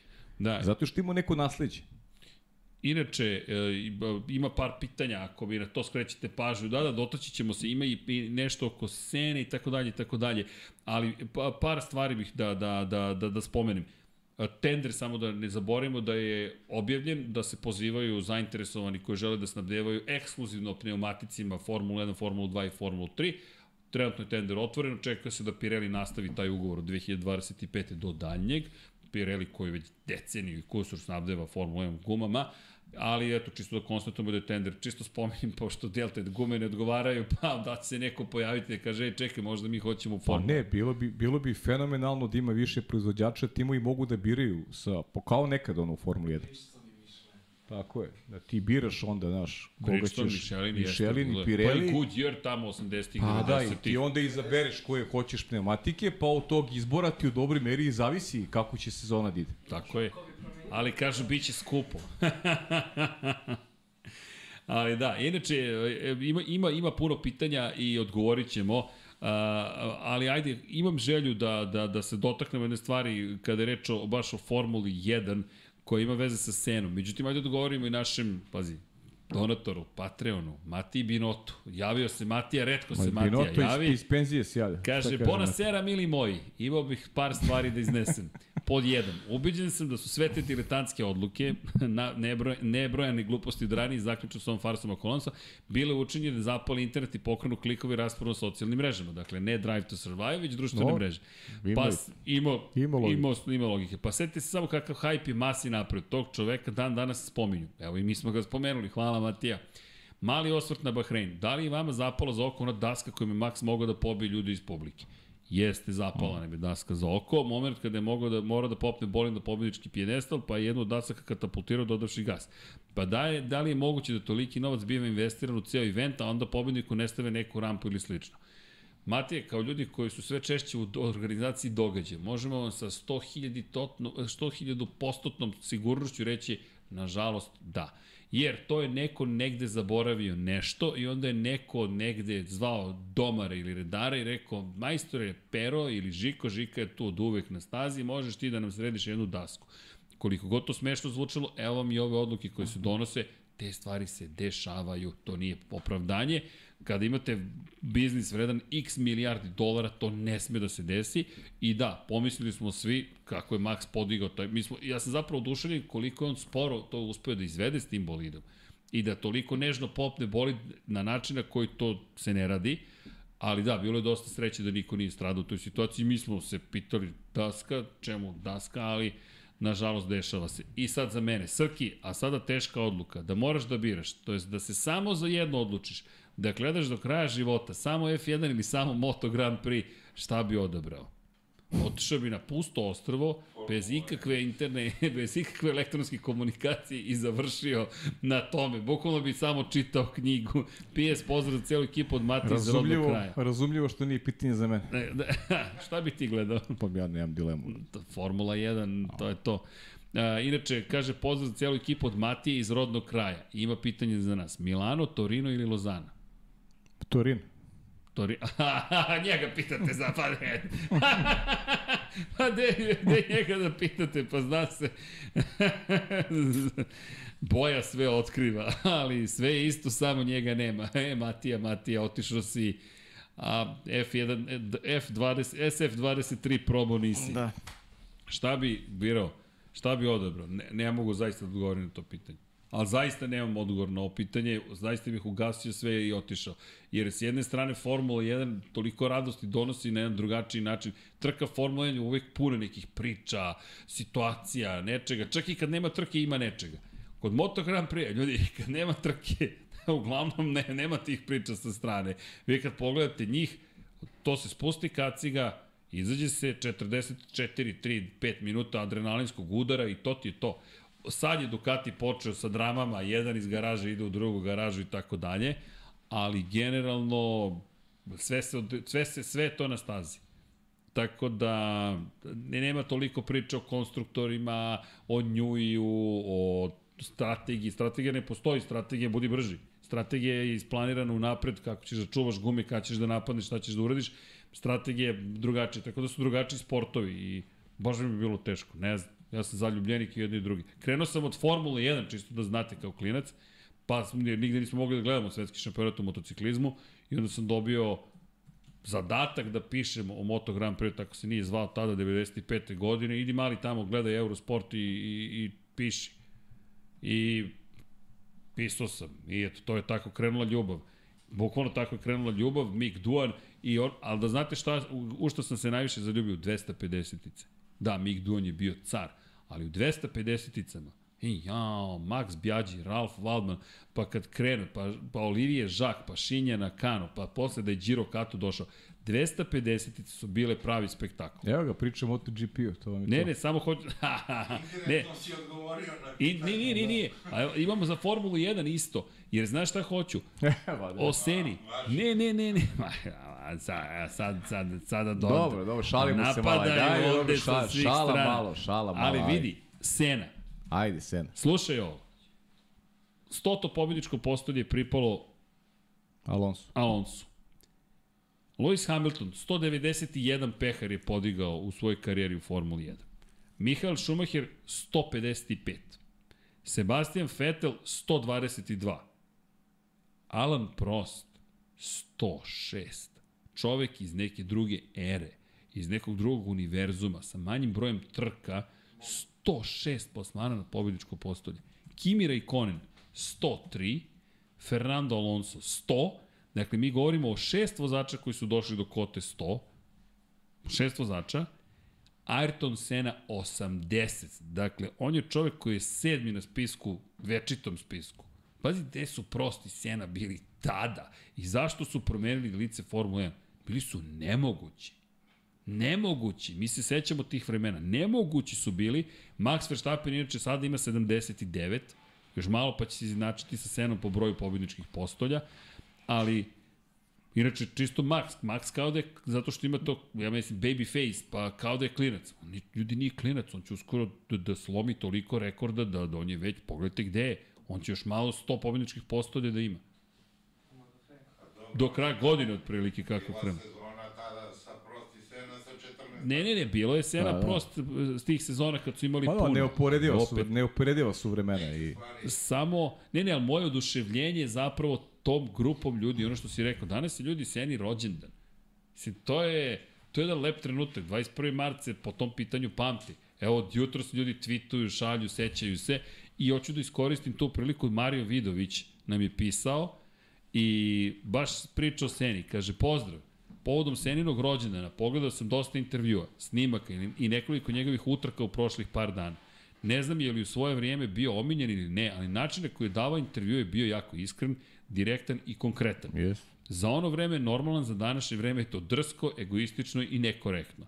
Moje pitanje je, mislite li da za Maksa nema dovoljno razumevanja od strane publike i medija, jer nakon izjava gde kaže da nije došao biti drugi, bio je razapet od strane novinara Republike. Arton je davao slične izjave koje su postale kult i legenda. Koje je vaše mišljenje u vezi toga? Pa Hvala, mislim da, da, su, da su jednostavni odgovori na to je stvar e, ljubavi prema, prema nekom i navijačkih strasti. Jer šta god da izgovori neko koga volite, vi ćete to da podržite. A kad izgovori neko koga, koga ne volite, vi ćete onda da, da, da ga osudite. I to je, to, to je ta strast koju imaju koju ljudi imaju u, u sportu generalno. I to ono o čemu smo pričali često u ovom podcastu. Mislim, nije, nije ni Sena bio ono vreme, nisu svi njegovi Nije bio potezi popularan. bili, pa nije bio ni Cvećka realno, ali ja sam kao neko koji je njegov navijač, ja sam odobravao sve što on radi. I to je, to je bio moj, moj pogled na, to je bila moja istina. Ono što Sena uradi, to je moja istina. A ono što uradi Prost, to je, to je ovaj, Prevara. mržnja. To je mržnja i prevara. Ali bukvalno to se, pa to, je- to, to je tako ljudi. Prosto, prosto ovaj, ja danas mogu da razumem uh, ovu mlađu populaciju koja, ne znam, ne voli, ne znam, Luisa, voli Maksa, mogu da razumem ovi koji vole Maksa, a ne vole, ne vole Luisa i obrnuto, znaš, to su, to su stvari percepcije, znaš, to su stvari percepcije i, i to je isključivo vezano za navijačke strasti. Ništa više. Max danas, ovi koji ga vole, podržavaju ih šta god on uradi. A isto nije, nije uvek to ovo ispravno, kao što ni Lewis Hamilton nije uvek doneo si ispravne odluke, svi imaju neke, neke mane, ali ono što je zajednička karakteristika za sve te ljude su veliki šampioni. Za mene je Artur Sena najveći. I dalje je za mene Artur Sena najveći. I kad pogledaš celu sliku i upravo to, njegovo obraćanje i, i, i ovaj, kako je komunicirao sa novinarima, seti se onih sastanaka sa vozačima, gde manje više svi ćute, on uvek ima nešto da nešto da kaže, da uđe u neku da uđe u neki duel ako treba, da da ovaj i da štiti interese vozača. On je, on je čovjek koji ima empatiju, evidentno ima empatiju, znači borio se iz interes vozača. Tako da je za mene iz te, iz te neke, kad pogledaš kompletnu sliku, vozačkih kvaliteta, uh, njegova ličnost, on je za mene najveći. Ali to je samo moj stav i ništa više. I priznajem svakome ko kaže da je, ne znam, Luis veći, priznajem svakom ko kaže da je prost veći, to je, to je samo lični pogled i ništa više. Pa mi smo, mi smo iz te neke ere, pri čemu, sećam se vrlo dobro, Sena zaista nije bio popularan. Ima, Mario, ima još jedan element koji, a to je nažalost njegova prerana smrt. Ljudi, to je taj Jest, moment jest, je jest. promenio u potpunosti stvari. Niko ne želi da, da bilo ko ode s ove planete tako rano, ali njegov odlazak na taj način, dramatičan način, je poremetio ceo svet, celu Formulu 1. Brazil je ljudi bio zaista u žalosti. To je, to, I tog momenta taj čovjek je postao nešto više od i onoga što je bio. Jer tu sad više nema svađa, sve je nevažno. Mi pričamo o gubitku i Rolanda Ratzenbergera, da ga ne zaboravimo, i Ayrtona Sene. Dva života smo izgubili u dva dana, to je takav šok, takav, takva trauma za sve, za sve ljude koji su volili Formula 1 i vole i dan danas. Mi nismo imali gubitak života 12 godina u Formuli 1. Zaboravili smo kako to izgleda. I onda dođe neki tamo vikend u Imoli i ne da vas podsjeti, nego ja se sad naježio. Rot- Ratzenbergera izgubimo zato što je bio nepoznata ličnost manje više u, u Simteku. Nije toliki, toliko uzdrman. Sena je bio uzdrman i što kaže Deki, Sena je znao da ne treba da vozi tu trku. Jest. Znao je da ne treba da vozi, On i nije ipak ju je vozio. on nije hteo da vozi, da. Ipak ju je To odvezao. je sudbina. Sudbina. Jo, izgubio je život. I onda potpuni raspad sistema. Nestao je Ayrton Senna. I to je onaj čuveni moment. A, dok nekog nema, ne shvataš koliko ti je Pa da. deo zapravo da li života, sporta, bilo čega. Jer, na primjer, ne znam, me, a, na mnogo nežniji način ja posmatram tenis, na primjer. Ljudi, uživajte i u Federeru, i u Nadalu, i u Đokoviću, za kog god da navijete. Jedan je otišao u penziju, verovatno će i ovi uskoro u penziju, ne znam. Ali ljudi, ti trenuci, to je taj trenutak, to pamtiš. Uživaš dok traje. A nama je Sena oduzet. Iščupan, bukvalno iz, iz, iz, iz života. I, i Da, to, nikad nećemo to, to, saznati šta su bili limiti neki, Nemamo pojma. dokle bi on išao, do kojih, ovaj, do kojih brojki. Šta bi uradio Tom Williamsu te sezone? Pa te sezone, bukvalno. Da Damon Hill se borio do kraja Tako te godine za Damon titul. Hill. Pa znamo tu celu priču Benetton, Ne bih ja Hilla baš stavljao u rečenicu sa pa Senom. ne, pa nema, nema Znaš. šanse, nema on tu šta da traži. Nema šta da traži. Poštojem njegovu titulu i, i, i Japan Ma te nema godine šta da traži ni u, ni u kontekstu, nema, Ma ni sa Ni sa šta da ali opet Schumacher, to je, on se maltene tek se pojavio i znamo te cele, ta, ta cela kontroverza oko Benettona, kako je išla tokom te sezone. Jeste, baš, te sezone, pa i naredne. Pritom, pritom i Sena i tu vrstu pritiska osjećao tada, jer, jer ti, on, on, je, on je konstantno pričao o tome da, da prosto taj Benetton nije legalan. On je to otvoreno govorio. To je ono što on nije imao ovaj, otvoreno govorio o svemu. On je Da, da. otvoreno govorio o svemu, bukvalno. Ne, on je... e, Se saznalo da li je... Dalje, pa ne, ne, Bereton je bio te godine suspendovan na, na nekoliko trka. Jeste, ali- Oni su svašta radili, ali ne, ne bih da ispadne samo je Benetton nešto uradio, pa je zato Schumacher je bio van serijski Ja samo vozač. pričam, pričam o toj sezoni samo, šta je, ovaj, kako je on, kako Ma, je on ukazivao, ukazivao na, na te probleme i to je bio neki dodatni, ovaj, neko, neki dodatni Ljudi, teret koji je osjećao. Tako Flavio da. Briatore i 2008. napravio najveći skandal svih vremena u trci. Da. Nagovorio vozača zajedno sa Petom Simonsom da se slupa da bi Alonso pobedio. Da bi njegov vozač pobedio, kogod to bio. To, to su nezapamćene stvari u Formuli 1. I nije trepnuo. Nije, on nije prezao od toga na najvećoj sceni. Ja čak mislim da je bilo uzbudljivo. Sad ćemo to da uradimo. Zato Deki kad mu kažete Flavio. Flavio, samo on reaguje, da. Pa da, zato što Flavio evo sad u Formuli 1 ima svoju ulogu. Jedini koji je zapravo izopšten iz plemena je Nelson Piquet. Pa ne mlađi. samo, ne samo, pa ima svoju ulogu. Flavio Briatore danas u italijanskim medijima, on je, on je najviše citiran i on je bukvalno u svakoj emisiji. On, I- je, on ti je medijska zvezda. A Pet Simon se takođe vratio kasnije da vodi Williams. Znači, svi su, svima je, svi su abol, ab, abolicija je učinjena. Što niste vratili Nelsona Piquea mlađi? On je najviši cenu. To je ono što Dekiju smeta. Ako sve onda aboliramo, ajmo sve da aboliramo. Onda sve. Ali, to je sad neka druga priča. A da, Samo, druga, nevez, apropo Sene, nevezano za senu, da. Ima jedna stvar kod Sene, to je, to je Jeremy Clarkson koliko god i on, ah, ima neke katastrofalne izjave, kakav god bio u tim nekim kontekstima, je savršeno pisao zapravo Senu. U Yes. svakom treningu, u svakim, svakim kvalifikacijama, u svakoj trci, u svakom krugu Sena je davao svoj maksimum. To, Jeste. lift and coast, pusti gas i uđi u krivinu. 100 metara ranije počni da kočiš i sačekaj. Jeste. Jeremy Clarkson ima mnogo ovaj, stvari sa kojima se ne bismo složili Da. da. nikada, ali ima nekih ovaj, njegovih Sa izjava koje ja složio, vrlo da. rado volim da citiram, a to je upravo, eto recimo ta priča o Seni, on je njegov komentar da je uvek mislio da je Villeneuve najveći, Da, najveći da. da. vozač, a da je onda shvatio Da je Sena. da je, da je to Sena zato što je svaki trening, svaki izlazak na stazu, to je maksimum, to je posvećenost, to je ovaj Nema da, odustajanja. Nema nema nikad odustajanja i i to je to je nešto što ovaj kažem baš volim često da citiram i, i to mi je jedna od najjačih ovaj Savršen nje, njegov, opis. njegovih izjava, mislim na Jeremy Clarksona, da. Da, savršen opis jednog čoveka i samo da napomenem, Senina smrt nije ga učinila Ayrtonom Senom. On je već bio Ayrton Sena. Njegova smrt ga je samo učinila, ne znam, anđelom Formule 1. A nije bio anđeo na stazi, verujte. Nije, nije. Nije bio anđeo na stazi. Pa Ali, zato je bio, znaš, bilo je podeljenih ili su ga obožavali ili Ili znaš, ili ne, to je. Kao mislim, znaš, kao i Schumacher, i on je bio to ti kontroverzan. je, to ti je Crveno i crno. Znaš kako, ali Sve to, ti je, to ti je život, znaš, ovaj, to ti je kao i, ne znam, nas, svi ov, nas ovde Naravno. sve. Ako nas svi vole, ako svi govore da smo super, znači da tamo Nešto nešto, je nije u redu. Ma ne, nije u redu, nešto definitivno, znaš. Da, pa ili ako težiš tome da te svi vole. Pa, mislim, to On, pogotovo. čovjek je težio da bude šampion sveta Formule 1. Vrlo jednostavno. I ima taj njegov čuveni krug kvalifikacijni i, i apropo, kažem, eto, priče nekih, ne, o nekoj istoriji, Ayrton Senna je čak i kada je nestao i kada su mnogi odustali od Formule 1 i dalje ima uticaj na Formule 1. Dan danas pričamo o Arturu Seni. Za one koji ne znaju, to je trostruki šampion sveta.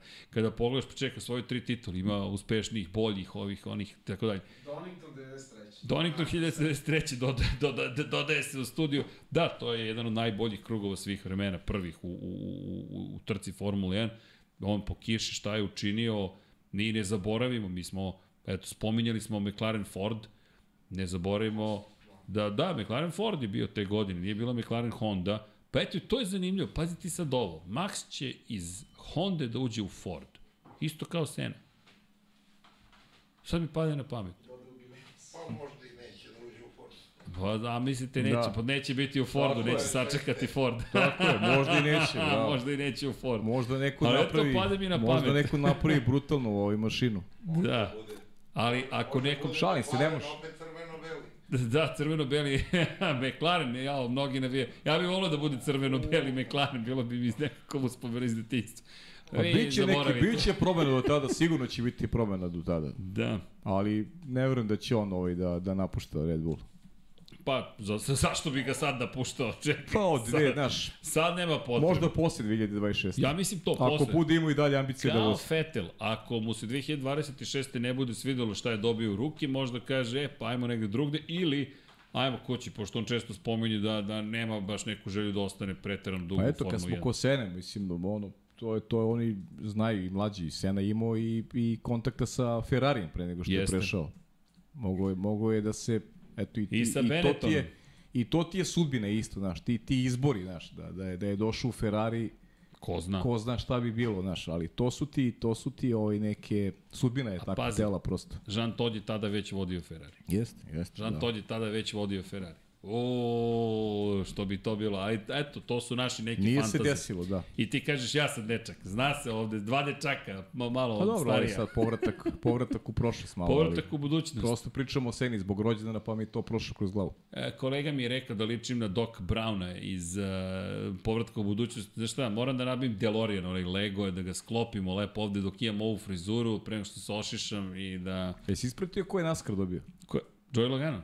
Da, Normalno. naravno, pa vidi, da li sam ispratio, pa vidimo osmeh na licu. Ko drugi? e, moramo Moram Bože da zovemo, sam- da ima šta radi. E, moramo, e, pazi, Bože, Božije, moramo, smo. ovaj, nismo pričali ni o Dužni nekim... smo. Da, Da. da. Aj, mogli bi sledeće nedelje. Zovnemo Bože lepo Pa da, pa da, zovemo Božija, pa inako je najava za trku, možemo ovaj, da se ispričamo malo sa njim. Može, zašto da ne? Ajde, Ti pi- znaš da ja to volim. Možemo, da, super. E, da, i da napomenem, Kota u nas. Samo, kra, kako volim? A ne, Kota, Kimi, da. Kimi, E, bravo, da, Kimi, Kota je, da. Čekaj, ima. Jenson Button, Gospodine Jenson Trutin, Button. molim vas, nemojte nam upadati u scenariju. Mi imamo ovde, ceo plan je ovde pripremljen. Baja misli da, vidi, on je kasnio, tako da to što je sad pola jedan, a ja ne prestajem. Pa dobro, e, samo da znaš, u, na sajmu moram da budem u, u 7.40, je li tako? Da, Sutra, da ujutro. dobro. Uključenje za televizor. Za televizor se Tako uključuješ. je, tako je. Pitali, hoćete da se uključite? Naravno.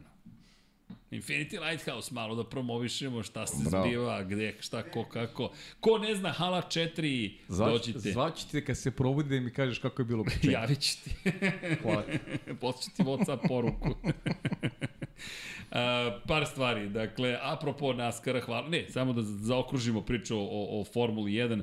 Ljudi, okej, Jedda, m- meni sve uvek zabavno, očigledno, ali Ne, samo pa meni. jeste zabavno, Srki, nije sporno, nije sporna trka kod trka, nego mi pričamo sada, analiziramo Tako je, ovaj, viđeno i šta nam to, šta nam se sprema za neku blisku budućnost. Čekam. Svaka trka, svi ćemo ovde da gledamo i sledeću trku i da, i da uživamo, znaš. Pa da. Moramo samo da, da skrajnemo rezultate, nego da uživamo u trci. Ali tu ćeš i ti u 7 ujutru da budeš budan, da znaš, Kad? Australija.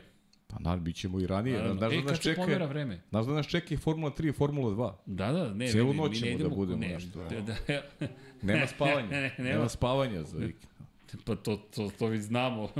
Vidi, jedina sreća okolnost ne... Znaš šta sam, ne, znaš šta sam tražio juče? To je dupli A vikend. znaš šta sam tražio juče? Tražio sam vreću za spavanje. Jesi, a, Našao sam. ja sam opromo. Našao sam. je. Ja sam moju opro, spremna je, tako da... Imaš dupli vikend tada. E, mislim da imam, čekaj samo da proverim. Da, Stvarno ima dupli vikend. Ao, da, da, 2. april. ao. Tako da, Pajo, spava šta? E, dakle, za onih koji ne znaju, dupli vikend znači da Imam i Moto Grand Prix i Formulu 1, a vozi se u Argentini. Tako da, Jao, noć. već. Jao. Tako da, znači, evo, raspored bi je sledeći za, za veliku nagradu Argentine. Imaš samo ti dupli vikend. Pa ništa, ovaj, onda ćemo, ovaj, Ovde dobacuju gledalci, nemaš samo ti što dupli se vikend. mene tiče, ovaj, oslo, ovaj, bit ćeš, Oslobođen oslo, bit ćeš oslobođen nekih obaveza, ovaj, dogovorit ćemo se. Hvala, Pajo, ali eto da znaš da će biti, bit će zabava. Da. Da, moram da vidim kakve... Ja, kad, najviše mrzim kada... U stvari ne mrzim, ali ne dopada mi se kada mi promene nešto na sajtu i onda poboljšaju sajt tako da više niko ne može da se snađe. Jer to nekom izgleda bolje, To lepše. je, to je česta reakcija na, na, na novi sajt. Pa da, ne, ne, ne znam, ali sakrili su sada vremena, nemam, po... evo schedule, i sad nemaš pogled na sva tri dana odjednom, nego moraš da klikćeš u padajući meniju dan po dan. Ali evo, petak će biti pokazati od 16.00 do 23. Argentina. Argentina. 16 do 23. Tako je. A onda kreće Formula 3 recimo od ponoći. Um, mislim da da. Sad ću ti reći, dajte mi samo sekund, evo za one koji su zainteresovani. E, Sad ćemo, evo sad ću full schedule, sad ćemo da vidimo. Lokalno vreme, kaže u petak, dobro, ali Formula 1 je 12.30, pa kvalifikacije odmah idu, dakle 12.30, šta je to po našem vremenu? 3.30 ujutro, kreće, To je petak. Petak. U subotu to će da bude. Pa znam, ali imaš i trojku, ima trojka i dvojka. Ne, ne, ne, ali to je petak, ali između formula. Pa nije toliko strašno. Ide Aha. formula 1, pa ide formula 3, pa ide, a ne, ide formula 1, pa formula 2 ide posle formula 1, dobro.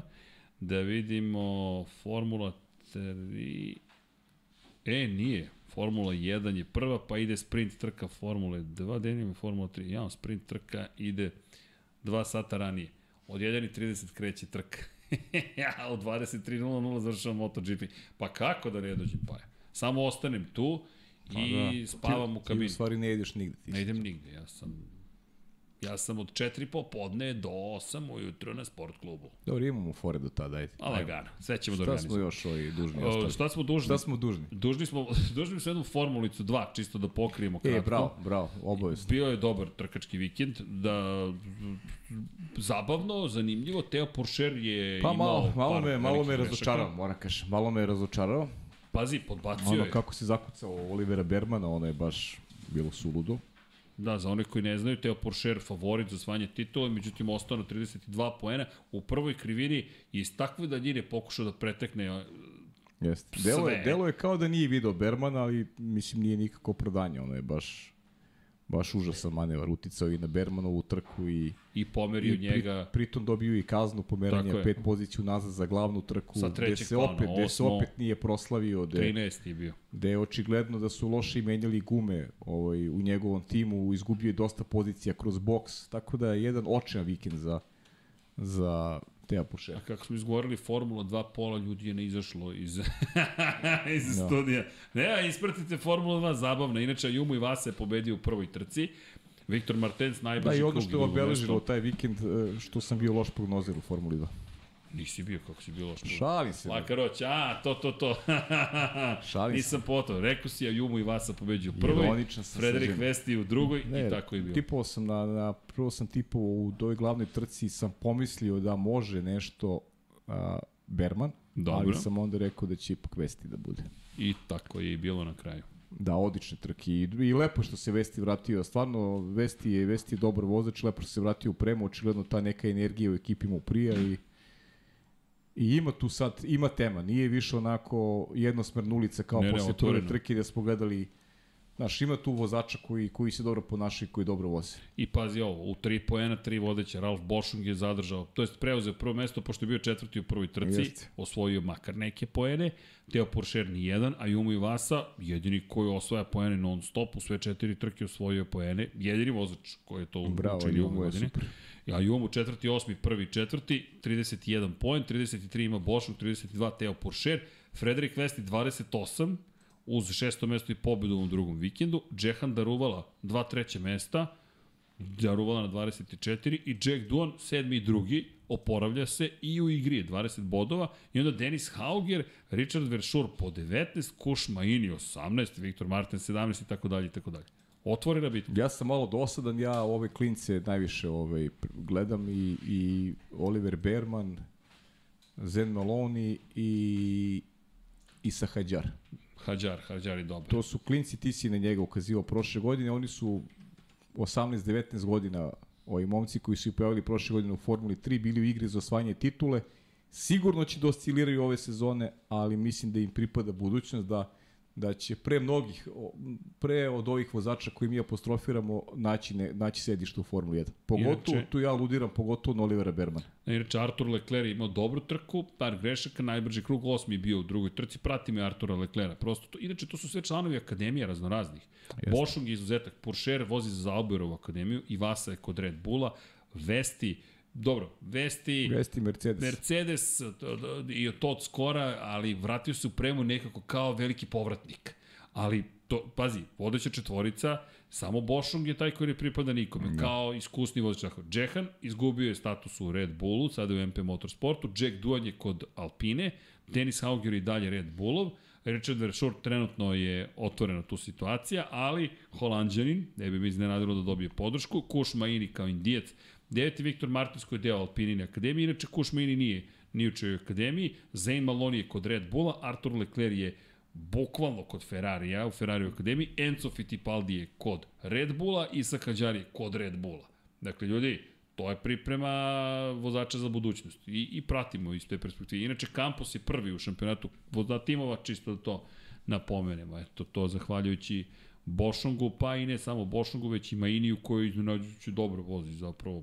Nismo Pa očekivali baš dobro, to je previše ono od što, naš, bitno je da imaš ovaj dva vozača koji skupljaju poene. Eto, za razliku od Virtuozija, za njih znamo da neće biti konkurenciji za titulu, s obzirom da su Amaurija Cordela birali za ovu godinu, što je meni nevjerovatan potes. Da, inače, da napomenemo, da, Amori Cordel koji je bio katastrofalan prošle godine, ali eto, izabrali su ga. E, i još jedna bitna stvar, mislim da je da je važno da napomenemo, počela je, počeo je šampionat u izdržljivosti svetski, Dakle, Sebring koji je imao prolog 11. i 12. marta, 1000 milja Sebringa održana trka, čuveni Sebring i mesto na Floridi koje je zaista legendarno za sve nas ljubitelja automotosporta. Kada pričamo o 2023. Imamo i, i pobednike, dakle Mike Conway, poznato vam verovatno zvuči, Kamui Kobayashi, Jose Maria Lopez, Toyota Gazoo Racing, Toyota GR 010 hibrid, da ne bude nekog iznenađenja. Inače, bilo je incidenata, bilo je svega, druga pozicija pri- pripala je Toyoti, dakle Sebastian Boemi, Brandon Hartley i Ryo Hirakawa, a na poziciji broj 3 Antonio Fuoco, Miguel Molina Ferrari. i Niklas Nielsen u Ferrariju. Cadillac inače bio četvrti, poznato zvuči, pretpostavljam, iz Formule 1 imena, Earl Bamber, Alex Lynn i Richard Westbrook i Porsche na petoj i šestoj poziciji, dva Porsche, zatim još jedan Ferrari i kada pričamo o našim nekim očekivanjima, vrlo važno s obzirom na činjenicu da zapravo gledamo ka hiperautomobilima, da gledamo zapravo ka toj celoj novoj kategoriji i tome šta smo to dobili zapravo. Dobili smo zaista nešto što verujem da će biti izuzetno uzbudljiv šampionat. Kada pričamo o Ferrariju, bilo je tu incidenata, bilo je svega, međutim Ferrari 4995 P je izašao na stazu, tako da čekamo, imamo i Peugeot, imamo i Porsche i Glickenhaus i tako dalje i tako dalje. Da ne zaboravim Vanval, to je isto bitno da napomenemo, i naravno Cadillac kao što smo rekli, tako da Nikola Nedeljković iz eh, poleposition.rs mi je pisao, kaže, ej, počinje šampionat, znam, Nikola, ne znam kada da ispratimo sve to, ali eto, ne možemo baš da vam damo ceo izveštaj, ali pratite ukoliko ste u mogućnosti, zaista imate razloga, s obzirom na činjenicu da hiperautomobili, ljudi, to će da bude krajnje ozbiljno kada pogledate broj vozača i timova koji učestvuju. Inače, Jacques Villeneuve se pojavio za Floyd Vanwall Racing ekipu, zajedno sa Tomom Dillmanom i Estebanom Girerijem. Čisto da ne zaboravimo i šampiona sveta Formula 1 Žaka Vilneva, sina legendarnog Žila Vilneva. Eto, Da, je. ono što je Jonathan Clarkson pričao, naravno, na, na Žila Vilneva Na je Žila, Žila, mislio da je najbolji vozač, pa je shvatio da je Sena, da, da, da, se, da se dopuni sam. Jeste. Inače, kada pričamo o NASCAR-u, samo da napomenemo, da, pobjeda Joya Logana, međutim, mi sa nestrpljenjem čekamo zapravo Da, pobeda, tu? pobeda Joe Logana, odlična završnica trke, to je jedino što sam pogledao, moram priznati, da super finiš i prva pobeda a, Logana u Atlanti, i kada nikada ranije nije slavio u, u Atlanti, I sad nagradno pitanje, tu će možda Boris ovaj znati. I znaš koji je jedini vozač ove godine koji je vodio u svakoj trci, a nema pobedu? Vodio u svakoj trci, a nema Bukvalno u pobedu. svakoj trci je vodio, a nema pobedu. Christopher Bell? Nije. Ne znam. Bravo. Brad Kislovski? Jeste. Evo, odmah odgovorio gospodin penzioner. vidiš, kako, ne, vidiš kako prati. Za pola kruga. Da, ali, ali u svakoj trci je vodio, sad je bio, sad je bukvalno za pola kruga. Christopher Bell je pogurao baš Logana, Christopher Bell koji je vozio umesto Chase Elliott. A bukvalno je pogurao Logana u finišu trke, on mu je pomogao da, da pobedi Keslovski. Dobro, Bell je cijele sezone baš dobar. Da. Prošle godine, da. I ove godine treći, pa peti, generalno među top 5 vozača. Ja. Trenutno, inače Logano je vodeći trenutno u NASCAR-u. Čisto znate, a sledeća trka jeste trka na stazi Amerika. E, to je interesantno. I to će da bude zaista interesantno, s obzirom činjenicu da full košana navodno neće biti. Šta to znači? To, to ako moram da proverim samo, ali koliko sam shvatio, full caution, dakle šta to znači, neće biti žuta zastava duž cijele staze, nego kao što se voze trke Formula 1 i drugih šampionata, dakle trebalo bi, eto, to je ono što, koliko se ja sećam, promjena pravila za ovu sezonu, dakle, samo da proverim da nisam pogrešio, ali ukoliko sam ja to dobro pohvatao, da bi valjda navodno trebalo da, da bude malo drugačije kako će izgledati full caution. A moram to da proverim, nemojte me držati za reč, to sam negde čitao. A, da, i kiša, ne znam, vidjet ćemo šta će biti zapravo. Ali činjenica da, da se sprema Kimi Rekonen da nastupi. Kimi je rekao da je uzbuđen što se vraća u NASCAR. Mislim da mu prije taj aspekt. Možemo malo i da se Pa čuknemo. ne, ali sve čekaj, da, mislim, kiša, kiša ne može po kiši, šta te. Ne, ne, ne, ne, Koti može. Klasična staza. A klasično stazu Klasična voze. Ja staza, sam, da. mislio, ja sam mislio da voze, Ne, ne, da ne, ne, voze... ne. Samo klasika i, i gume za kišu će imati. Da, super. Tako da, U ovoj krivini svi hoću napolje. U prvoj krivini svi sleću napolje. Ajde, vidjet Da, ćemo. znači, znači voze, voze klasičnu stazu. Da, da, da, da. I to će biti baš zanimljivo. I Jenson Button takođe dolazi, tako da. Da, Jenson Button je super. Biće zabavno. Moramo da se čujemo sa, sa Božijim posle toga. Da vidimo kak, kak, Pa ih čekamo im. posle toga ili pre toga? Pa, sad, ako je preo da ga, samo da ga sad zovemo. Mi imamo više vremena da pričamo s njim utorak. Mm, ja, da, pa ne, možemo da ga zovemo posle trke. Sad je malo kasno, jedino sad čoveku da pitam, ej, Ne sad, Bože, jesi pa ne budan? sad. mislim, on je sigurno budan, ali da, da vidim, da proverim, da nisam pogrešio. Da, 26. mart. Vidim kako nas navlačiš ovde da ostanemo do 7 ujutru. Ne, ne, ne, ne. Do tvog uključenja, do tvog uklju- Ne, ne, uključenja. mislim da je vreme da idemo, ljudi. Uh, uh, Namazano je ovo bilo. Kaže, luda žena, da li će i nama koji vas pratimo pomoći vreće za spavanje, izdržat ćemo ljubav je to pozdrav. Pozdrav. Naravno, naravno. Uh, sutra je Moto Grand Prix najava sezone. Ej, sutra, evo da vam najavim odmah, dakle, imat ćemo kratak intervju sa Lukasom Tulovićem kao najavu sezone. Čekamo Mio Kotor da nam se javi da li će moći da nam se pridruži. I Jelena će biti u Portugalu, leti ujutro, pa možda nam se javi iz Dolazi Portugala. čovjek iz zelene stolice. Uh, dolazi čovjek iz Zelene stolice. Da, tako da znate, bit će tu i Deki, makar je potvrdio da će biti, ali koliko je sad sve jurnjava, više ne znam, Deki javi se ako si tu, ali trebalo bi da dođe čovjek iz, iz Zelene stolice. I Banićanac kaže kada će Srki ponovo da svira. Ka- Svira malo. Evo, svirao sam malo pre. O, ja, to ćete da sviram? Nemoj sad, molim. Ne, sad molim te. Što? Jutanaziju sam Probudit vežbao. ćemo, probudit ćemo komšije sledeći put. Sledeći put, evo, obećam vam, sledeći put vam sviram makar deo jutanazije. Najbolje što ali, ja znam. ali, kad, ali kad počne podcast. Kad počne kraju. podcast. Jel može? Evo, ba Baničanac 92. E, kada pravimo ligu za fantasy? Sutra saopštavamo ligu za MotoGP za fantasy. E, Uroš Čuturije, da li je dozvoljeno da trci imaju dva potpuno drugačije bolida primjera, Mercedes ima jedan sa sajpodima, jedan bez da vidi šta bolje funkcioniše, šta treba razvijeti. Da, moguće je, samo što mnogo košta. To strašno mnogo košta. To su ljudi potpuno različiti delovi, samo bukvalno neko to mora da proizvede, onda da doveze, onda da imate rezervne delove puta dva koje ne možete da ukrstite. Dakle, obično imate jedan set rezervnih delova s nadom da neće nužno zatrebati, imate treću rezervnu šasiju koja će poslužiti jednom od vozača ukoliko se prva ošteti, ali da imate dup, to, toliko rezervnih delova, dakle sada i za jedan i za drugi, to je problematično. Ide tu idete na statistiku, statistička analiza, šta se, najmanje šanse se pokvari, naravno, sad ne znam sve kako oni organizuju, ali možete samo, i još jedna stvar, Mnogo košta. Baš mnogo košta. Kada će evoluirati bolidi Formule 2 i Formule 3? E, to je bilo priče da će, da će ih menjati, ali moram da proverim da li se spominje sada evolucija u kontekstu motora. Mekahrom trenutno proizvodi 3600 kubika za Formulu 3 atmosferski i turbo za Formulu 2. Ono što će biti sigurno održiva goriva, takozvani Advanced Sustain- Sustainable Fuel se gura, 55% su održiva goriva ove godine, u postotku u gorivu Formuli 2 i Formuli 3 do 2027. mora da bude 100%. A u, do 2026. to mora da bude slučaj sa Formulom 1. A, Boško Desničić, kada smo već kod cene, kada možemo da čekamo knjigu o svim seninim trkama, knjiga je prevedena i ide na štampu, kažem dobili smo dobili smo od grafostila kad može šta da ide. Prvo će ići dakle redom kao što smo i pričali F1 šampioni, te dinastija i onda ide Sena.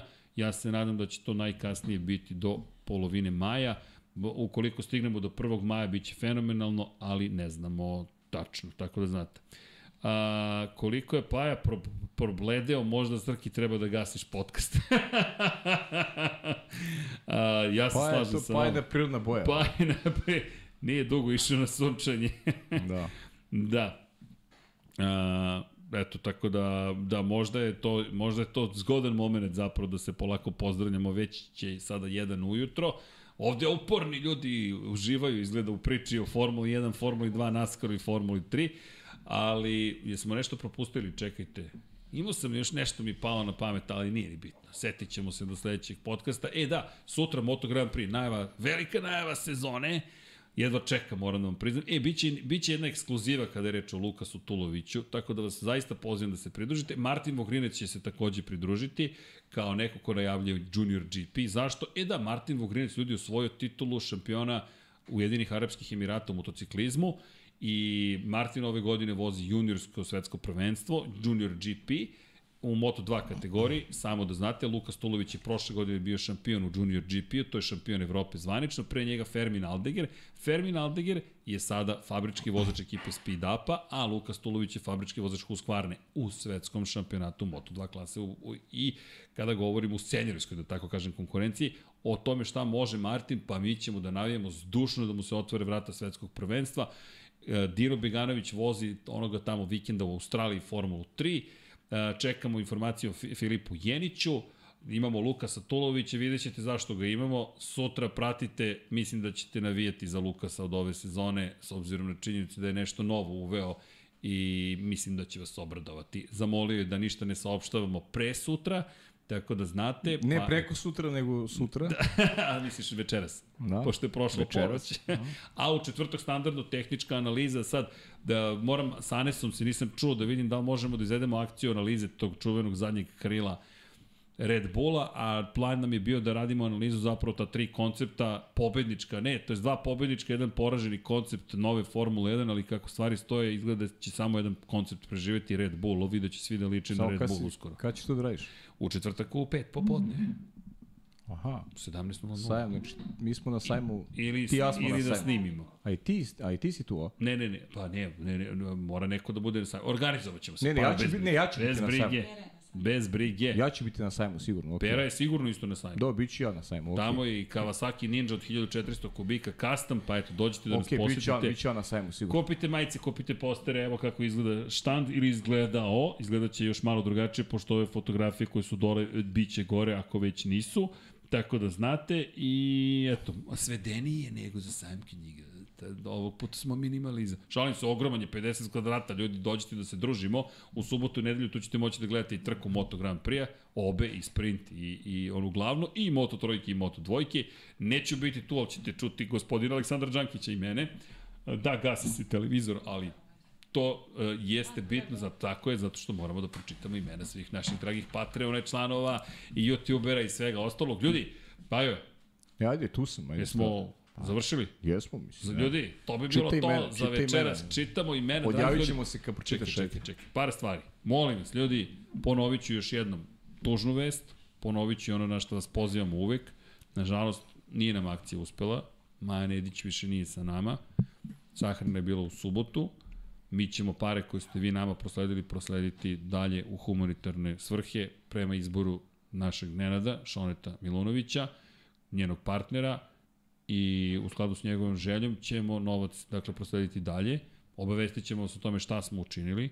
Pozivam vas da se mazite i pazite, neko je napisao 99 yardi, nemojte da završate tako, neka bude uz osmeh, zašto? Život ide dalje i ne mogu da budem radostan nikako u toj situaciji, ali ono što mogu da vam kažem, uživajte u životu. Cenite ga, poštujte ga, volite svoje bližnje i budite dobri zaista jedni prema drugima. Kada je reč o nama, pa hvala vam što nas pratite.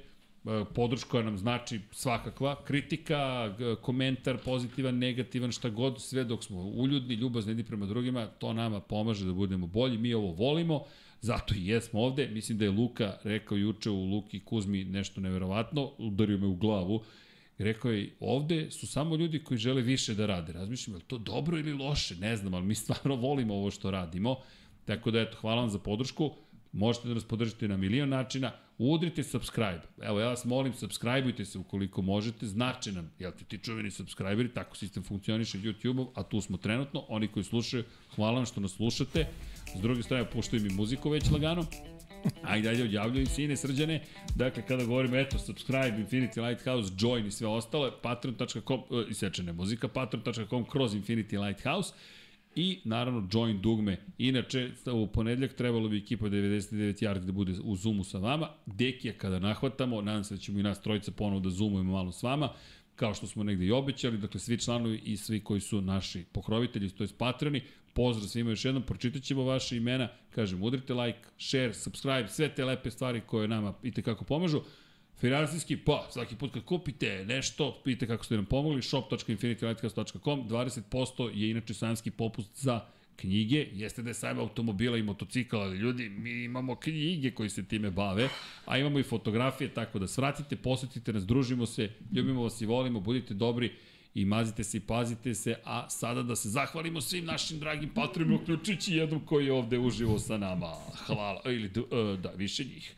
Da vidimo, Lazar Hristov, Nikola E, Nikola Božinović, Miloš Todorov, Toni Ruščić, Andreja Branković, Đole Cheesehead, klub štovatelja Ramona Mireza, Ivan Maksimović, Dušan Ristić, Anonimus Donatorus, Ivan Panajotović, Nedo Lepanović, Zlatko Vasić, Stefan Ličina, Novak Tomić, Benjo KK, Mlađan Antić, Ružica Stefanović, Vladimir Stojadinov, Zoran Cimeša, Bogdan Uzelac, Žorž, Ivan Maja Stanković, Branimir Rijavec, Antonio Novak, Milan Milašević, Ante Primorac, Anonimus Donatorus, Ivan Toškov, Igor Jankovski, ovde neki frame upao, Milan Paunović između imena, Žarko Milić, Marko Kostić, Aleksandar Milosavljević, Đorđe Đukić, Jovan Đodan, Miloš Banduka, Marin Tunović, Andrija Todorović, Đurđica Martinović, Bojan Majstorović, Stevan Zekanović,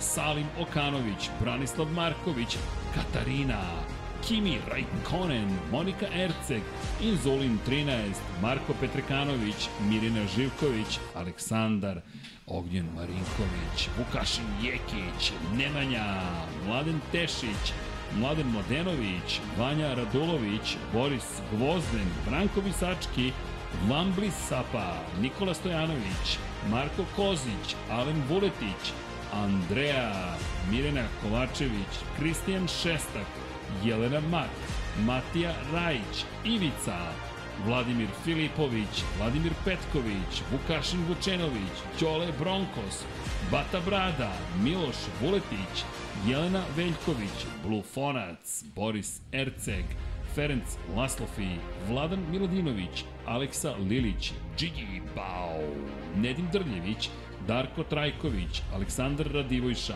Mladen Krstić, Gloria Edson, Andreja Miladinović, Pavle Nj, Srđan Sivić, Ivan Ciger, Dragan Matić, Aleksa Valter, Stefan Nedeljković, Safet Isljami, Milan Apro, Ivana, Ivan Rečević, Lj. Đurović, Zoran Šalamun, Andrej Božo, Vladimir Mutić, Borislav Vukojević, Dejan Vujović, Vučinić Miroslav, Ljubo Ćurović, Jugoslav Ilić, Nemanja Jeremić, Branislav Milošević, Marko Bogavac, Kovačević Omer, Aleksa Jelić, Ognjen Grgur, Matija Biroto, Vuk Korać, Optimistik, Josh Allen Fan, Miloš Rašić, Ivan Milatović, Đole, QB4, Dimitrije Mišić, Živojin Petković, Dušan Delić, Stefan Dulić, Igor Gašparević, Sava Dugi, Predrag Pižurica, Lazar Pejović, Nedim, Deus Nikola, Danka, Miloš Radosavljević, LFC, Borislav Ivanović, Strahinja Blagojević, Marko Blagojević, Jasenko Samarđić, Boris Golubar, Nikola Milosavljević, Aleksa Vučaj, Nemanja Labović, Stefan Prijović, Marina Mihajlović, Filip, Aleksandar Mitrović, Stefan Lešnjak, Bojan Mijatović, Predrag Simić, Vlada Ivanović, Milan Kića, Bahter Abdurmanov, Dorijan Kablar, Goša 46, Emir Mešić, Anonimus Donatorus, Renata Neš, Nikola Grujičić, Jugoslav Krasnić, Petar Nujić, Aleksandar Banovac, Daniel Kolobarić, Stefan Milošević, Stefan Stanković, Neđo Mališić, Zoltan Mezeji, Šmele, Nenad Đorđević, Dejan Đokić, Nenad Panterić, Miroslav Cvetić, Stefan Vidić, Denis Špoljarić, Životić Jovan, Đorđe Radojević, Marko Horg, Laslo Boroš, Milan Ristić, Branislav Kovačević, Igor Vučković, Dragan Nikolovski, Branimir Kovačev, Luka Maritašević, Milan Nešković, Bojan Bogdanović, Andrej Bicok, Stefan Janković, Petar Relić, Crnogorski džedaj, Vladidov Dejv, Nemanja Miloradović, Nemanja Zagorac, Ivan, Marko Mostarac, Bojan Markov, Saša Ranisavljević, Aleksandar Anđelić, Sead Šantić, Borko Božunović, Ognjen Ungurjanović, Mario Vidović, Marko Ćurčić, Aca Vizla, Alen Stojčić, Nebojša Živanović, Đorđe Milanović, Matej Sopta, Mihajlo Krgović, Grgo Živaljić, Zoran Majdov, Luka Martinović, Lukaš, Lukas, Marko Marković, Nenad Ivić, Nenad Simić, Boris Kojundžić, Veselin Vukićević, Stefan Vuletić, Tijana Vidanović, Danijela Ilić, Ertan Prelić, Ivan Rebac, Vojin Kostić, Milan, Luka, Aleksandar Antonović, Jasmina Pešić, Dušan Petrović, Mihovil Stamičar, Stefan Radosavljević, Da žena ne sazna, Luka Klaso, Armin, Branislav Dević, Luka Savović, Aleksandar Jurić, Ivan Simeunović, MS13, Nikola Bulović, Nemanja, Vojislav Tadić, Vuk, Krorobi 00, Omer Sarajlić, Din Stero, Ivan Magdelinić, Nemanja Cimbaljević, Aleksandar Kockar, Đorđe Janjić, Vladimir Subotić, Ivana Vesković, Miloš Stanimirović, Resničanin, Vukašin Vučenović, Ivan Božanić, Nikola Grđan, Aleksandar P, Milorad Reljić, Uroš Čuturilo, Domagoj Kovač, Blagoj Ačevski, Oliver Nikolić, Almir Vuk, Đera 7, Alin Jesenović, Almedin Ahmetović, Drago Veković, Toleador, Nemanja Bračko, Vladan Đurić, Anonimus Donatorus, Igor Ninić, Bakadu, Koja 7, Hristo Nakov, Marko Bogavac, Branislav Dević, Milanka Marunić, Marko Stojilković, Josip Buljovčić, Ivan Hornjak, Toni Soni 76, Jelena Jeremić, Mortal Kombat, Marina, Bojan Gitarić, Bojan Stanković, Uroš Ćosić, Domagoj Klarić, Vladimir Vujičić, Galeksić, Petar Bjelić, Nikola Kojić, Pavle Mandić, Voča Pero, Nikola Niksi, Tatjana Lemajić, Zlatko Marić, Kosta Berić, Miloš Zed, LFC, Mensur Kurtagić, Nemanja Miloradović, Ivan Vincetić, Sejdo Mujčić, Marakos, Bojan Markov, Goran Mrđenović, Milan Knežević, Škundra, Skundra, Aleks Volović, Saša Stevanović, Aleksandar Nikolić, Dejan Janić, Vlada Ivanović, Pavle Lukić, Dejan Plackov, Plackov, Miljana Milutinović, Maksi, Nikola Božović i Ivan Vujasinović zajedno sa Igorom Ilićem. Ljudi, hvala. Ovde su neki spremni da odu. Nema odlaska dok se Paja ja ne pozdravimo sa vama. Paja ćemo brzinski, pošto treba da se, Ajde. jel te, ustaje. Ljudi, sve najbolje vam još jednom želimo. Danas je bio Senin rođendan, to je sada već juče, morali smo to još na neki način da obeležimo. Biće i specijala o Seni, priča o Ayrtonu Seni i knjiga i tako dalje i tako dalje. To je legenda Formula 1. Hvala vam svima koji ste još uvek sa nama i fizički i virtualno. Šaljem vam puno ljubavi, pozdrav, mazite se, pazite se, budite dobri jedni prema drugima. Pa evo, hoćemo na, pa ne znam, 1, 2, 3, tri titule imao Sena. Ajde. 1, 2, 3. Ćao svima! Ko kaže da sa električnim pogonom nema avanture? Ko kaže da se avantura prekida radi punjenja? Novi Nissan X-Trail sa e-Power tehnologijom. Jedinstveno elektrifikovano iskustvo koje ne zavisi od punjača. Brazilski ambasader Čika.